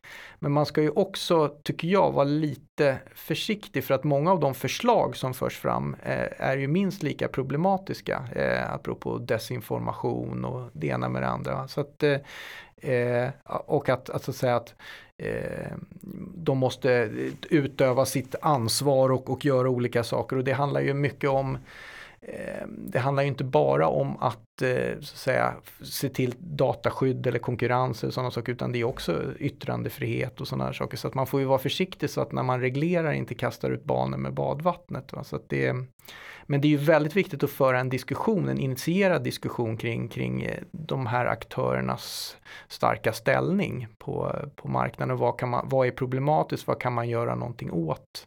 Men om man tittar historiskt så är det lite intressant för att alla stora företag nästan försvinner ju förr eller senare. Alltså vi är fortfarande ganska tidigt, jag menar då var de 05, 06 någonting. Ja. Um, och även Apple och iPhone kom ju samtidigt ungefär. Mm. Um, jag menar när jag började med internet till exempel, då var ju Alta Vista alla använder den sökmotorn. Mm. Jag tror att den helt... finns kvar, men den är ju helt borta. Mm. Idag använder alla Google. Vad är det egentligen? En del hävdar att Google, Facebook har blivit så stora att de inte går att konkurrera ut. Men det kanske man sa om Ford automobil också. Mm. Ja, jag, jag tror det ligger en hel del i det. Det finns ju en del, alltså det, det, det är de här nätverkseffekterna, de är ju eh, så att säga, de, är, man, man, de, de är, talar ju en annan aspekt som man har tagit upp eh, på sistone är att Facebook och Google köper ju systematiskt upp alla potentiella konkurrenter. Och det är väl jättebra att man, om man startar något bra företag kan man bli uppköpt och få massa, massa pengar.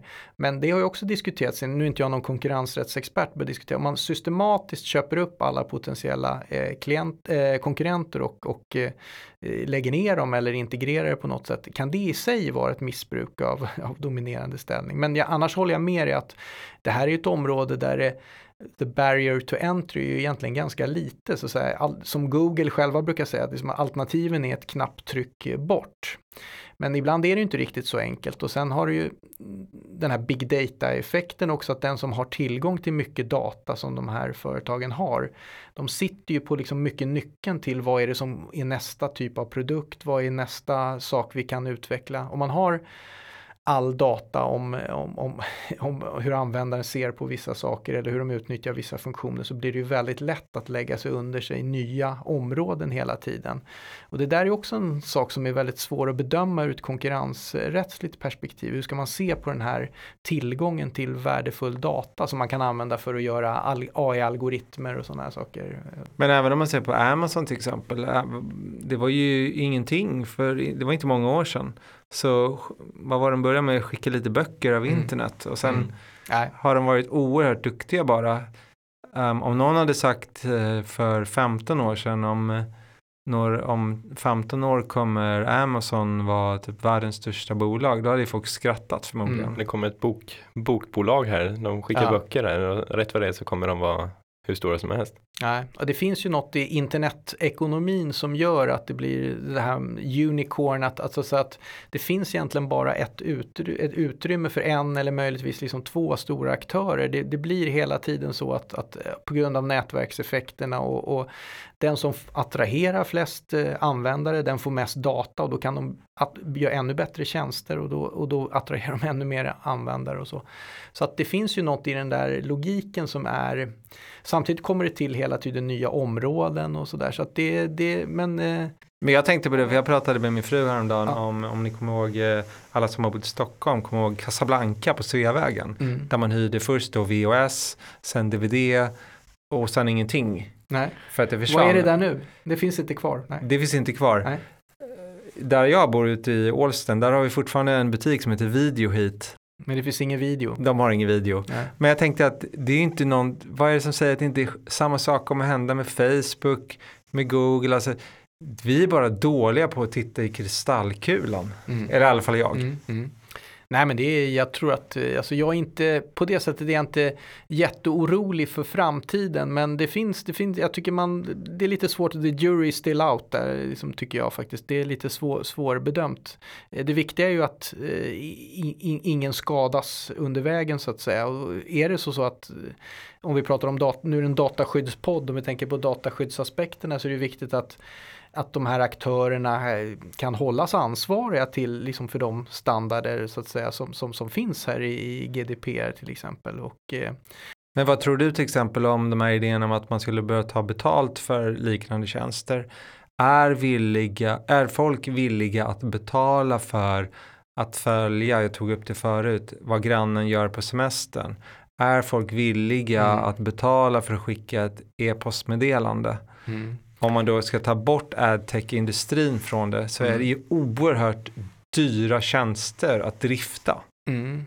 Ja, det, är, det är bra fråga och, eh, och sen har vi den här frågan, ska man, ska man liksom kunna köpa sig fri från övervakning och så är det liksom, ska man se det som en, det, det, det, har ni säkert varit inne på tidigare också, så det, det är en, en en... Eh, ja, det blir en klassfråga. Mm. Det blir det precis. Och det, alltså dataskyddsmyndigheterna de vill ju väldigt ogärna se det som att man, man ser data som en Idag är det ju de facto en, liksom ett betalningsmedel eh, men man, vill, man är ogärna vill acceptera det synsättet. Eh, och det ligger ju någonting i det. Samtidigt så är det ju den reella verkligheten är att du har ett, ett, ett värde och att du får, alltså du måste ju erbjuda en, en liksom, man måste ha en affärsmodell som, som fungerar. Men...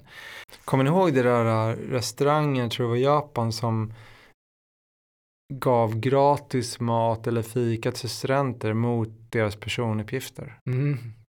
Ja, nej men det, mm. det finns ju massa sådana här exempel som ofta används för att illustrera att det är en sak vad folk säger att de är bekymrade och oroade över och det är en annan sak vad de liksom verkligen, hur de verkligen eh, agerar. Eh, och Eh, det, kan, det kan variera. Men just det här hur folk ser på Eh, dataskydd och vad de ser, eh, anser är ett problem. Det, det är också en av de stora frågorna i dataskyddspolicyn idag, hur man ska se på det här. Hur mycket kan man lita på att den enskilde ser om sitt eget hus och skyddar sig själv? Alltså, det vill säga låta samtycke vara en viktig roll eller att någon får opta ut om man, inte, om man har en annan rättslig grund för behandlingen. Hur, hur mycket ska man lita på att det ger ett tillräckligt skydd och hur mycket ska man ha en mer paternalistiskt synsätt att vi säger att staten går in och säger som i konsumenträtten, det spelar ingen roll vad ni parter har kommit överens om, det är ändå det här som gäller, du får ändå inte hantera de här uppgifterna. Och, ungefär som man gör med lagöverträdelse, det får man ju inte handla, behandla även om någon har lämnat sitt samtycke till exempel. Och så.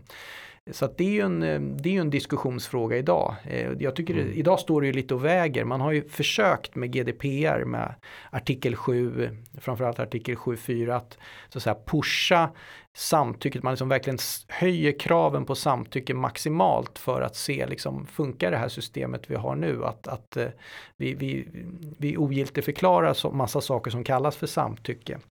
Och på det sättet skapar vi ett, liksom ett rimligt dataskydd.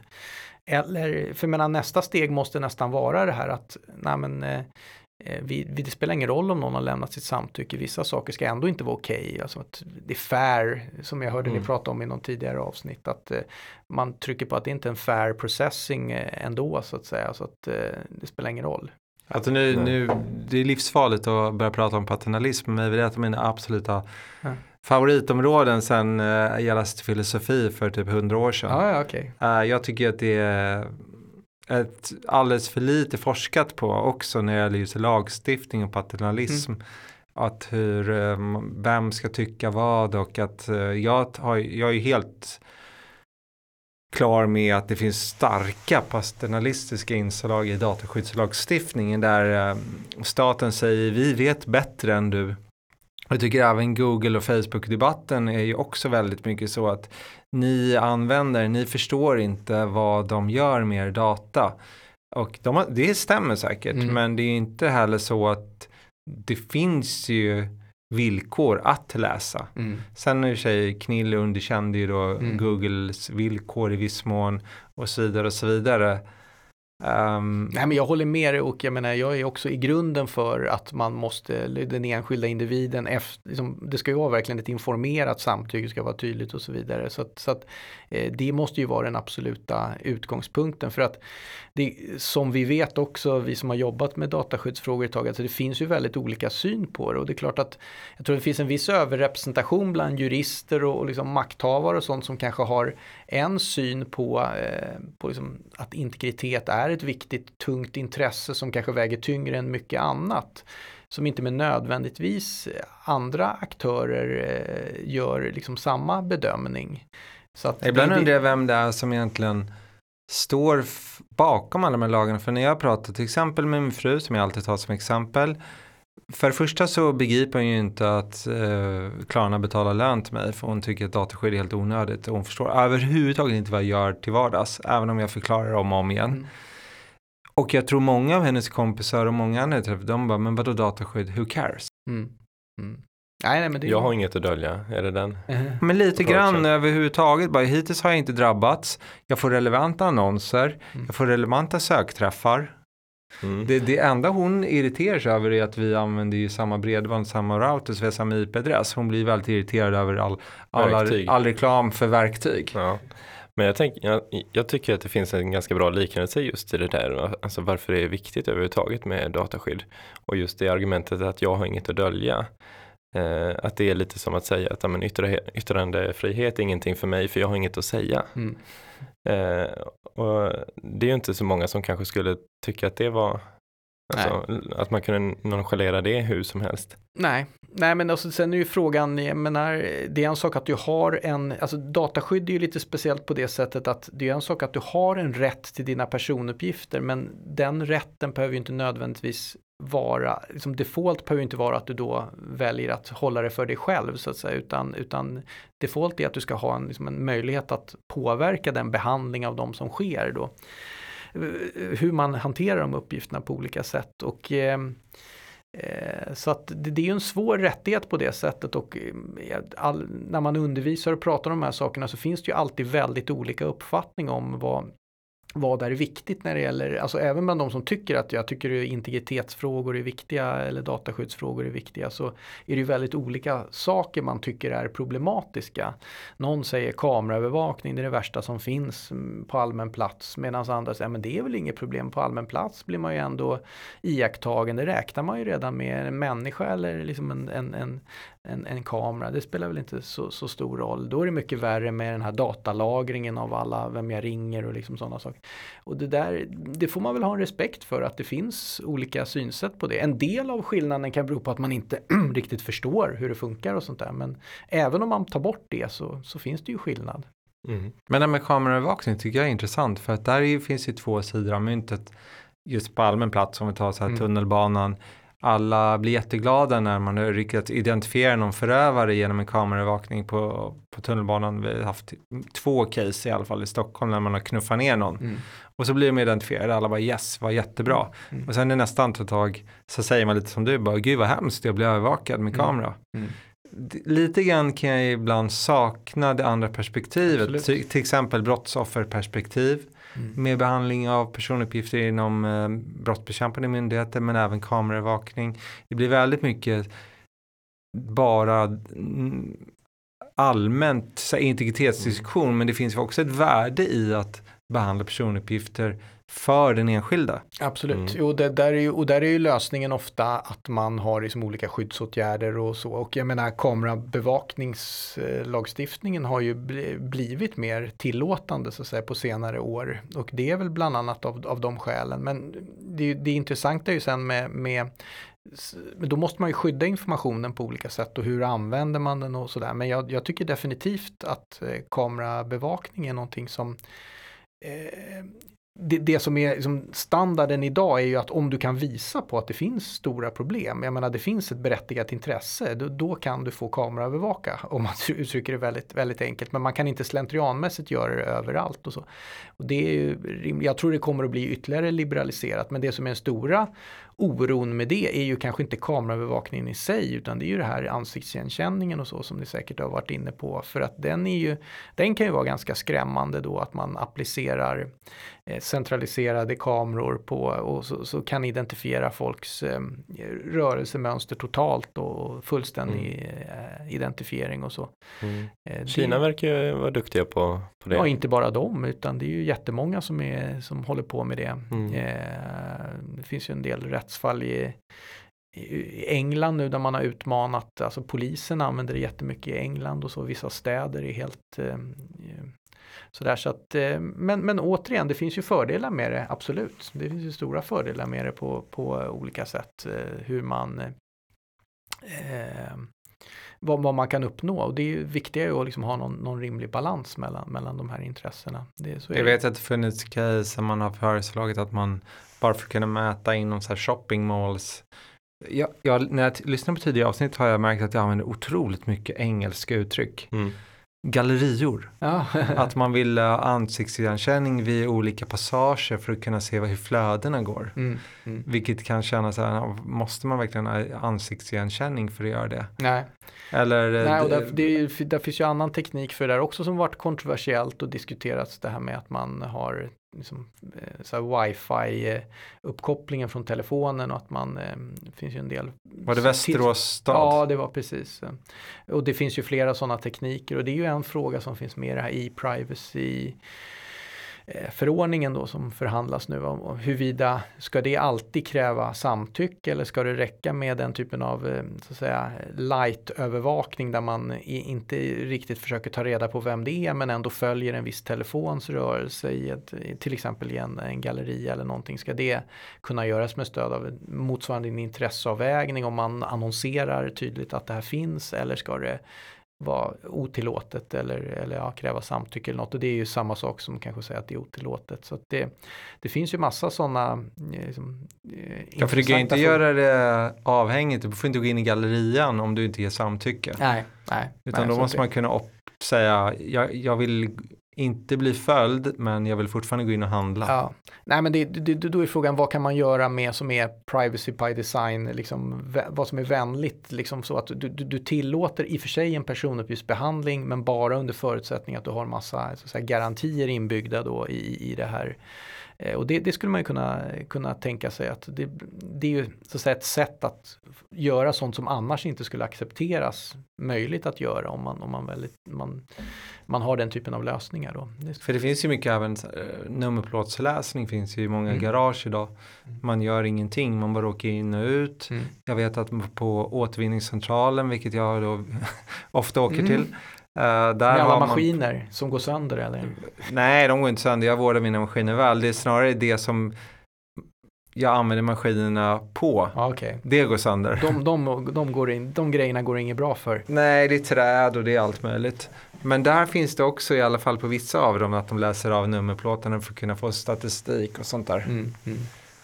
Det är väldigt mycket som blir automatiserat avläsning. Det kan vara ansikten, det kan vara nummerplåten, ja. det kan vara det kommer ju komma ännu mer tekniker, gångstilar. Ja, Gud och där har vi ju en, en, en överlappning också som ofta komplicerar att eh, du har eh, både så att säga, själva kameraövervakningen, själva tekniken regleras och sen har vi själva mm, behandlingen av personuppgifter som, som är dataskyddsförordningen till exempel. Då. Och det är samma sak med förhållande till de här e-privacy-reglerna då, att okay, själva sättandet av en cookie till exempel, det regleras av e-privacy, men själva sen vad gör man med behandlingen av personuppgifter som man kan samla in med hjälp av den här cookien eller pixel eller sådana saker. Det regleras av allmänna och det är klart att sådana saker, sådana områden blir ju extra komplicerade rent juridiskt tekniskt när man, man har en överlappande reglering där som kanske till och med drar åt lite olika håll eller sådär. Mm. Hur går det med e-privacy-förhandlingen egentligen? Jag vet inte, det senaste jag hörde var att det var eh, det nuvarande ordförandeskapet skulle liksom spurta för att komma överens i rådet innan de går av här. Men det är väl första juli så det är väl inte så lång tid kvar. Det är Rumänien va? Ja, och, och sen kommer Finland. Finland sen. Ja. Ja, så att jag, jag vet inte, det, det har ju varit väldigt eh, låst det där vad jag vet. Eh, så att det är omdiskuterat det där. Men det var ju GDPR också. Ja det var det men, men där fanns det liksom större tryck på något sätt. Eh, det var ju egentligen mycket, mycket bredare tillämpningsområde så att det här har lyckats stoppats upp så mycket tycker jag är lite, lite konstigt faktiskt. Eh, man kan diskutera och ha synpunkter på det men min inställning till exempel när det gäller det här med mycket med tracking och sådana saker på nätet, mycket av det är ju minst lika problematiskt. Alltså det, det, GDPR är ju en viktigare lagstiftning på mycket än, än, än så att säga själva cookie-regleringen i privacy. Men, men den är ju viktig också naturligtvis. Det, det är den. Men du pratade lite om pixlar. Jag tror inte alla känner till alla olika tracking-teknologier. Jag gör inte heller det, webbeacons och allt vad det inte heter. Jag heller. Men eh, kan du kort förklara några stycken, vad, vad är en pixel? Pixel är egentligen, det syftar ju på att det är en liten, eh, en, en, eh, som en liten eh, pixel i en bild. Så, så, så att, det man gör det är att om du lägger in det, det är liksom ett anrop till att du, du länkar in en bild från eh, till exempel säg Facebook, Facebook-pixeln som är liksom en väldigt vanlig, vanligt förekommande teknik för att eh, integrera eh, liksom Facebooks eh, i, på, på den egna sidan. Då, an, då när någon går in på, på din webbsida så laddas, då anropas då, det är som en länk till Facebook-server och då anropas din webbläsare Facebook-server och då kan ju de se, jaha det här var inloggade användare, inte i ditt fall då Filip, men eh, då kan de eh, som se att ja men nu, eh, nu, nu, nu, nu går den här personen in på den här sajten också, ja då kan vi se, jaha, då var han intresserad av Eh, verktyg, stora verktyg här. Det var ju intressant att veta det. Då lägger vi det till vår kundprofil. Eh, så det, och sen finns det ju eh, liksom liknande så att säga, tracking script-tekniker. Allting liksom bygger på att man anropar en extern server då som, som därmed kan samla in uppgifter. Och, och det här målet som jag nämnde tidigare, det här fashion ID-målet, det handlar just om är man, ska man den som lägger in det där på sin sajt, ska den ses som personuppgiftsansvarig för den insamling som därigenom blir möjlig? Och det har ju generaladvokaten svarat ja på den frågan, det vill säga att om du på din sajt lägger in en sån här Facebook gilla-knapp eller en pixel eller sån här tracking-skript för adtech, alltså för annonsering och sådana saker. Så, eh, så menar då generaladvokaten, ja men då har du då är du gemensamt personuppgiftsansvarig med det företag som sen då samlar in de här uppgifterna genom det här externa anropet. Men är inte det vindarna för gemensamt personuppgiftsansvar verkar vara ganska starka just nu? Var inte fanpage och liknande mm, också? Just mm. Och jo. Just de här när man använder de här sociala medierna och inkorporerar i ja sin egen sida eller tvärtom på olika sätt. Ja, ja men det där är ju jättesvårt område. Jag menar personuppgiftsansvaret det bestäms ju utifrån vem är det som kan ta ansvar, vem är det som kan påverka en behandling, vem är det som kan se till att dataskyddsreglerna följs. Och i det här målet, eh, Fashion ID som jag nämnde, så är generaladvokaten där lite kritisk till den här tidigare praxisen, både det här Jehovas vittnen-fallet som ju också rörde personuppgiftsansvarsfrågan eh, och det här Wirtschaftsakademi eh, Schleswig-Holstein som handlade just om en fanpage på, på Facebook. Där, där han säger liksom att ja, men man får inte använda gemensamt personuppgiftsansvar på ett sådant sätt så att det inte går att ta det gemensamma ansvaret. Om jag integrerar en pixel på min sida jag har ju ingen koll på exakt vad Facebook downstream gör med de uppgifter de samlar in och så vidare. Men så att man måste så att säga, avgränsa vilken behandling är man då, det är i alla fall min tolkning av vad han säger, då är, då är man gemensamt personuppgiftsansvarig för att möjliggöra den här insamlingen av uppgifter. Det är ju det man kan påverka så att säga, sen kanske man inte kan påverka så mycket mer. Så att det här personuppgiftsansvaret bestäms ju för varje behandling. Alltså, du kan vara gemensamt personuppgiftsansvarig för en viss behandling men individuellt personuppgiftsansvarig för en annan behandling av samma uppgifter. Eh, så att han är liksom lite inne på att man får inte vara för slapp med att bara säga att det är gemensamt personuppgiftsansvar. För någon gång måste man ändå bena ut vem ansvarar för vad så att säga. Mm. det finns ju en skyldighet i GDPR att ha ett ja. avtal som reglerar just ansvarsbiten. Jo. Och jag brukar alltid säga att jag menar innan man hamnar i gemensamt ansvar eh, så måste man först börja plocka bort allt som någon individuellt är ansvarig på. Sen om man kommer kvar att ja men själva lagringen av de här uppgifterna i någon slags gemensam databas till exempel, ja men den kanske det finns ett gemensamt ansvar just för den behandlingen, för den går inte att separera upp. Den finns för flera ändamål, flera olika ansvariga. Men det där är ju verkligen en, en, en jättesvår fråga och EU-domstolen när de pratar om det här, de rör sig ju lite grann på molnfri höjd och liksom säger, jo men det är gemensamt ansvar och säger, det ska inte uppgå nå, uppstå något vakuum i ansvaret, att det ska alltid finnas någon ansvarig. Men sen när det här kommer tillbaks till en nationell domstol, då måste ju den se, ja men hur blir det här i det här fallet och så. Då blir det ju mycket mer svårare förstås att säga, hur ska man verkligen kunna ta det här ansvaret och vad, vad är det man ska säga, vad är man gemensamt ansvarig för och så vidare. Så att det där är jättesvåra frågor, det är det. Jag tänkte, det brukar vara jag som slänger in den tror jag, men jag, jag slänger in den nu. En fråga då som inte har med så mycket annat att göra egentligen. Mm. Eh, om ditt senaste inköpta verktyg?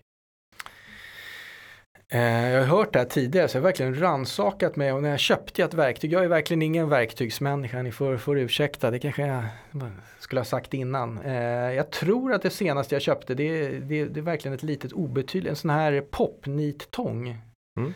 Det, det, tror jag är det senaste jag köpte. Men det, men det är bra. ett väldigt specialverktyg ändå. Ja, mm. jo men det, jag skulle laga en sån här, eh, jag lyckades inte riktigt, en sån här liksom dörrstopp i en balkongdörr där det liksom, eh, den hade släppt den här som håller det på plats. Och så där behövde jag popnita den. Så.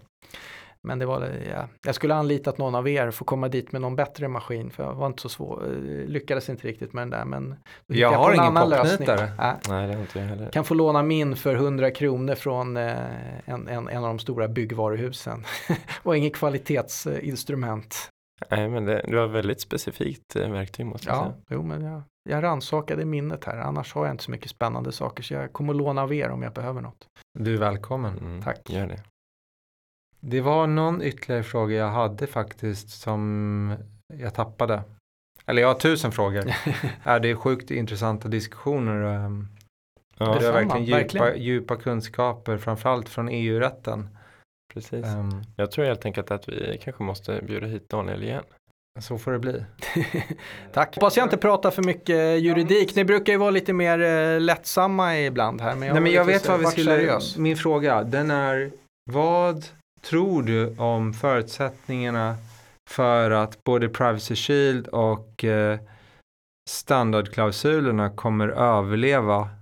Jätteintressant fråga. Det handlar ju alltså om eh, de här reglerna för hur man får överföra uppgifter till tredje land. Alltså utgångspunkten är att man inte får föra ut några uppgifter till ett land utanför EU och EES. Men så finns det vissa instrument som möjliggör att man ändå får göra det. Får jag bara, jag tycker det där var en superviktig aspekt att det finns ett generellt förbud mm. som mm. många verkar glömma att det är inte tillåtet. Nej. Nej. Nej, men Förutom om du har ett undantag. Ja, och sen, alltså, det finns ju två, antingen att man följer någon av de här som du nämnde, Privacy Shield eller ett godkänt land eller, eller standardavtalsklausulen. Och sen finns det ju vissa undantagssituationer i GDPR också när man har kan vara samtycke eller nödvändigt för att fullgöra avtal och sådana saker. Eh, ja, de här fallen är ju lite uppföljning på det här tidigare skämsmålet som ni vet men kanske inte alla lyssnare känner till. Det är ju det tidigare systemet som man hade för överföring av uppgifter till USA, Safe Harbor Harbor blev ogiltigförklarat av EU-domstolen. Jag vet inte hur många år sedan det var nu här men fyra kanske eller något sånt där. Cirka fyra. Ja. Eh, och, eh, eh, och nu är det ju då prövning som enligt motsvarande normer då eh, av Privacy Shield som är det nya. Eh, Safe Harbor, de vill inte kalla det Safe Harbor en gång till, fick lite dåligt rykte. Eh, Safe Harbor 2.0 utan det är Privacy Shield istället som är liksom ändå lite liknande system då eh, och de här standardavtalsklausulerna. Och ska man se på det rent liksom rättsligt så är ju mycket av den kritik som EU-domstolen hade mot Safe Harbor, de, den, den, finns ju i de här systemen också. Det måste man ju ändå säga därför att det man påpekade att de skyddar ju till exempel inte mot att stater eh, övervakar eh, eh deras säkerhetstjänst tar in uppgifter och så vidare. Det är ju ingenting som, som, som så skyddas i, i, i de här avtalsmekanismerna. Så på det sättet, eh, eh, det man har lagt till i det här Privacy Shield är ju att man har eh, liksom, i, innehåller även vissa försäkringar från USA då liksom så här fungerar det amerikanska systemet och man har ju också tagit bort vissa delar av det här övervakningsprogrammet och så sådana här eh, liksom Snowden relaterad mm. övervakning och så. En viktig aspekt var väl också att man gav europeer vissa rättigheter. Ja, vilket inte fanns tidigare. Nej, nej, precis. Så det finns ju en del saker som talar för. Men, men jag menar, mycket av den principiella kritiken tycker jag någonstans finns, finns, liksom, finns kvar. Men jag vågar faktiskt inte säga någonting. Men jag skulle faktiskt inte bli helt förvånad om det blir, blir liknande utgång här. Och då blir det ju lite, då blir det förstås kalabalik för, för många. Är det inte också lite märkligt att man faktiskt inte har uppdaterat standardklausulerna? Mm. Nej, och de är ju, de är ju kanske den svagaste länken här. För de är ju, men, men sen kan man ju diskutera också, nu, nu ska jag inte säga att eh, jag har inte jobbat jättemycket med standardavtalsklausulerna, men det måste ju också vara så att eh, lite grann att de kan ju kanske vara godtagbara beroende på vilket land de används i förhållande till och det finns ju en del sådana här brasklappar. Alltså så att om man tillämpar den till ett land som inte är en rättsstat till exempel, nej, då, då funkar det ju inte för då ger det ju inget, eh, inget så att säga, skydd mot, mot övervakning och, och sådana saker. Men om det tillämpas i förhållande till överföring till ett tredje land som har i och för sig liksom en, en godtagbar rättsordning i, när det gäller liksom den demokratisk och kontroll av övervakning och sådana saker, eh, rättssäkerhet och så. Eh, men det finns ingen tillräckligt starkt skydd i den privata sektorn. Då skulle ju det här kunna vara någonting som full, fall, liksom fyller upp och tillsammans skapar då eh, godtagbart skydd. Men det är ju inte riktigt så de här standard, standardavtalsklausulerna används utan de används ju ofta liksom generellt i förhållande till alla liksom världens länder. Och det är ju svårt att se att det skulle alltid vara godtagbart. Det, eh, men så att det är väl eh, oftast är det nog, alltså om det om det här mottagarlandets lag har en viss kvalitet i sin lagstiftning kan det kanske vara ett godtagbart instrument men inte alltid ett godtagbart instrument. Det är väl den eh, korta versionen. Mm. Vad säger du Filip, ska vi? Jag tänkte bara avsluta också med att säga att eh, Dataministeriet kommer ju ordna en live-mingel den 22 september oh, yes. klockan 15.30 på lokalen Gästabudet på Södermalm. Ni håller gästabud? Ja, Vi håller gästabud. Ja, trevligt. Och eh, alla lyssnare, gäster är välkomna. Det finns ingen entré. Baren är fri eller? Det är fri bar, det är eh, fri entré och det kommer bli sjukt trevligt. Mm, det, det tror jag nog. Än så länge så var, är vi åtminstone en handfull. Mm. En handfull har redan anmält sig och då har vi inte gjort reklam i princip. Nej, Nej vi gör ju bara smygreklam. Ja. ja. Jag kommer. Härligt. Tack för idag Daniel, tack Anders. Ja, tack. Det här var både lärorikt, intressant och ganska lite nördigt. Ja, det var det. Det ska vara lite nördigt kanske. Ja. Hoppas inte vi knäckte lyssnarna. Det blir kanske lite mer lättsamt nästa gång. Jag tror att det står i beskrivningen att det är dataskyddsnördar. Ja. Så folk som lyssnar vet vad de har gett sig in på tänker jag. Nästa avsnitt kommer ju vara med uh, The Cookie Monster Alexander Hanf. Mm. Så det är väl sannolikt att det kommer bli minst lika nördigt och kanske ännu mer på barrikaderna. Mm, spännande, mm. kan jag lyssna på. Ja, eh, ja. ja, men tack allesammans och tack alla ni som lyssnar. Ha det gott.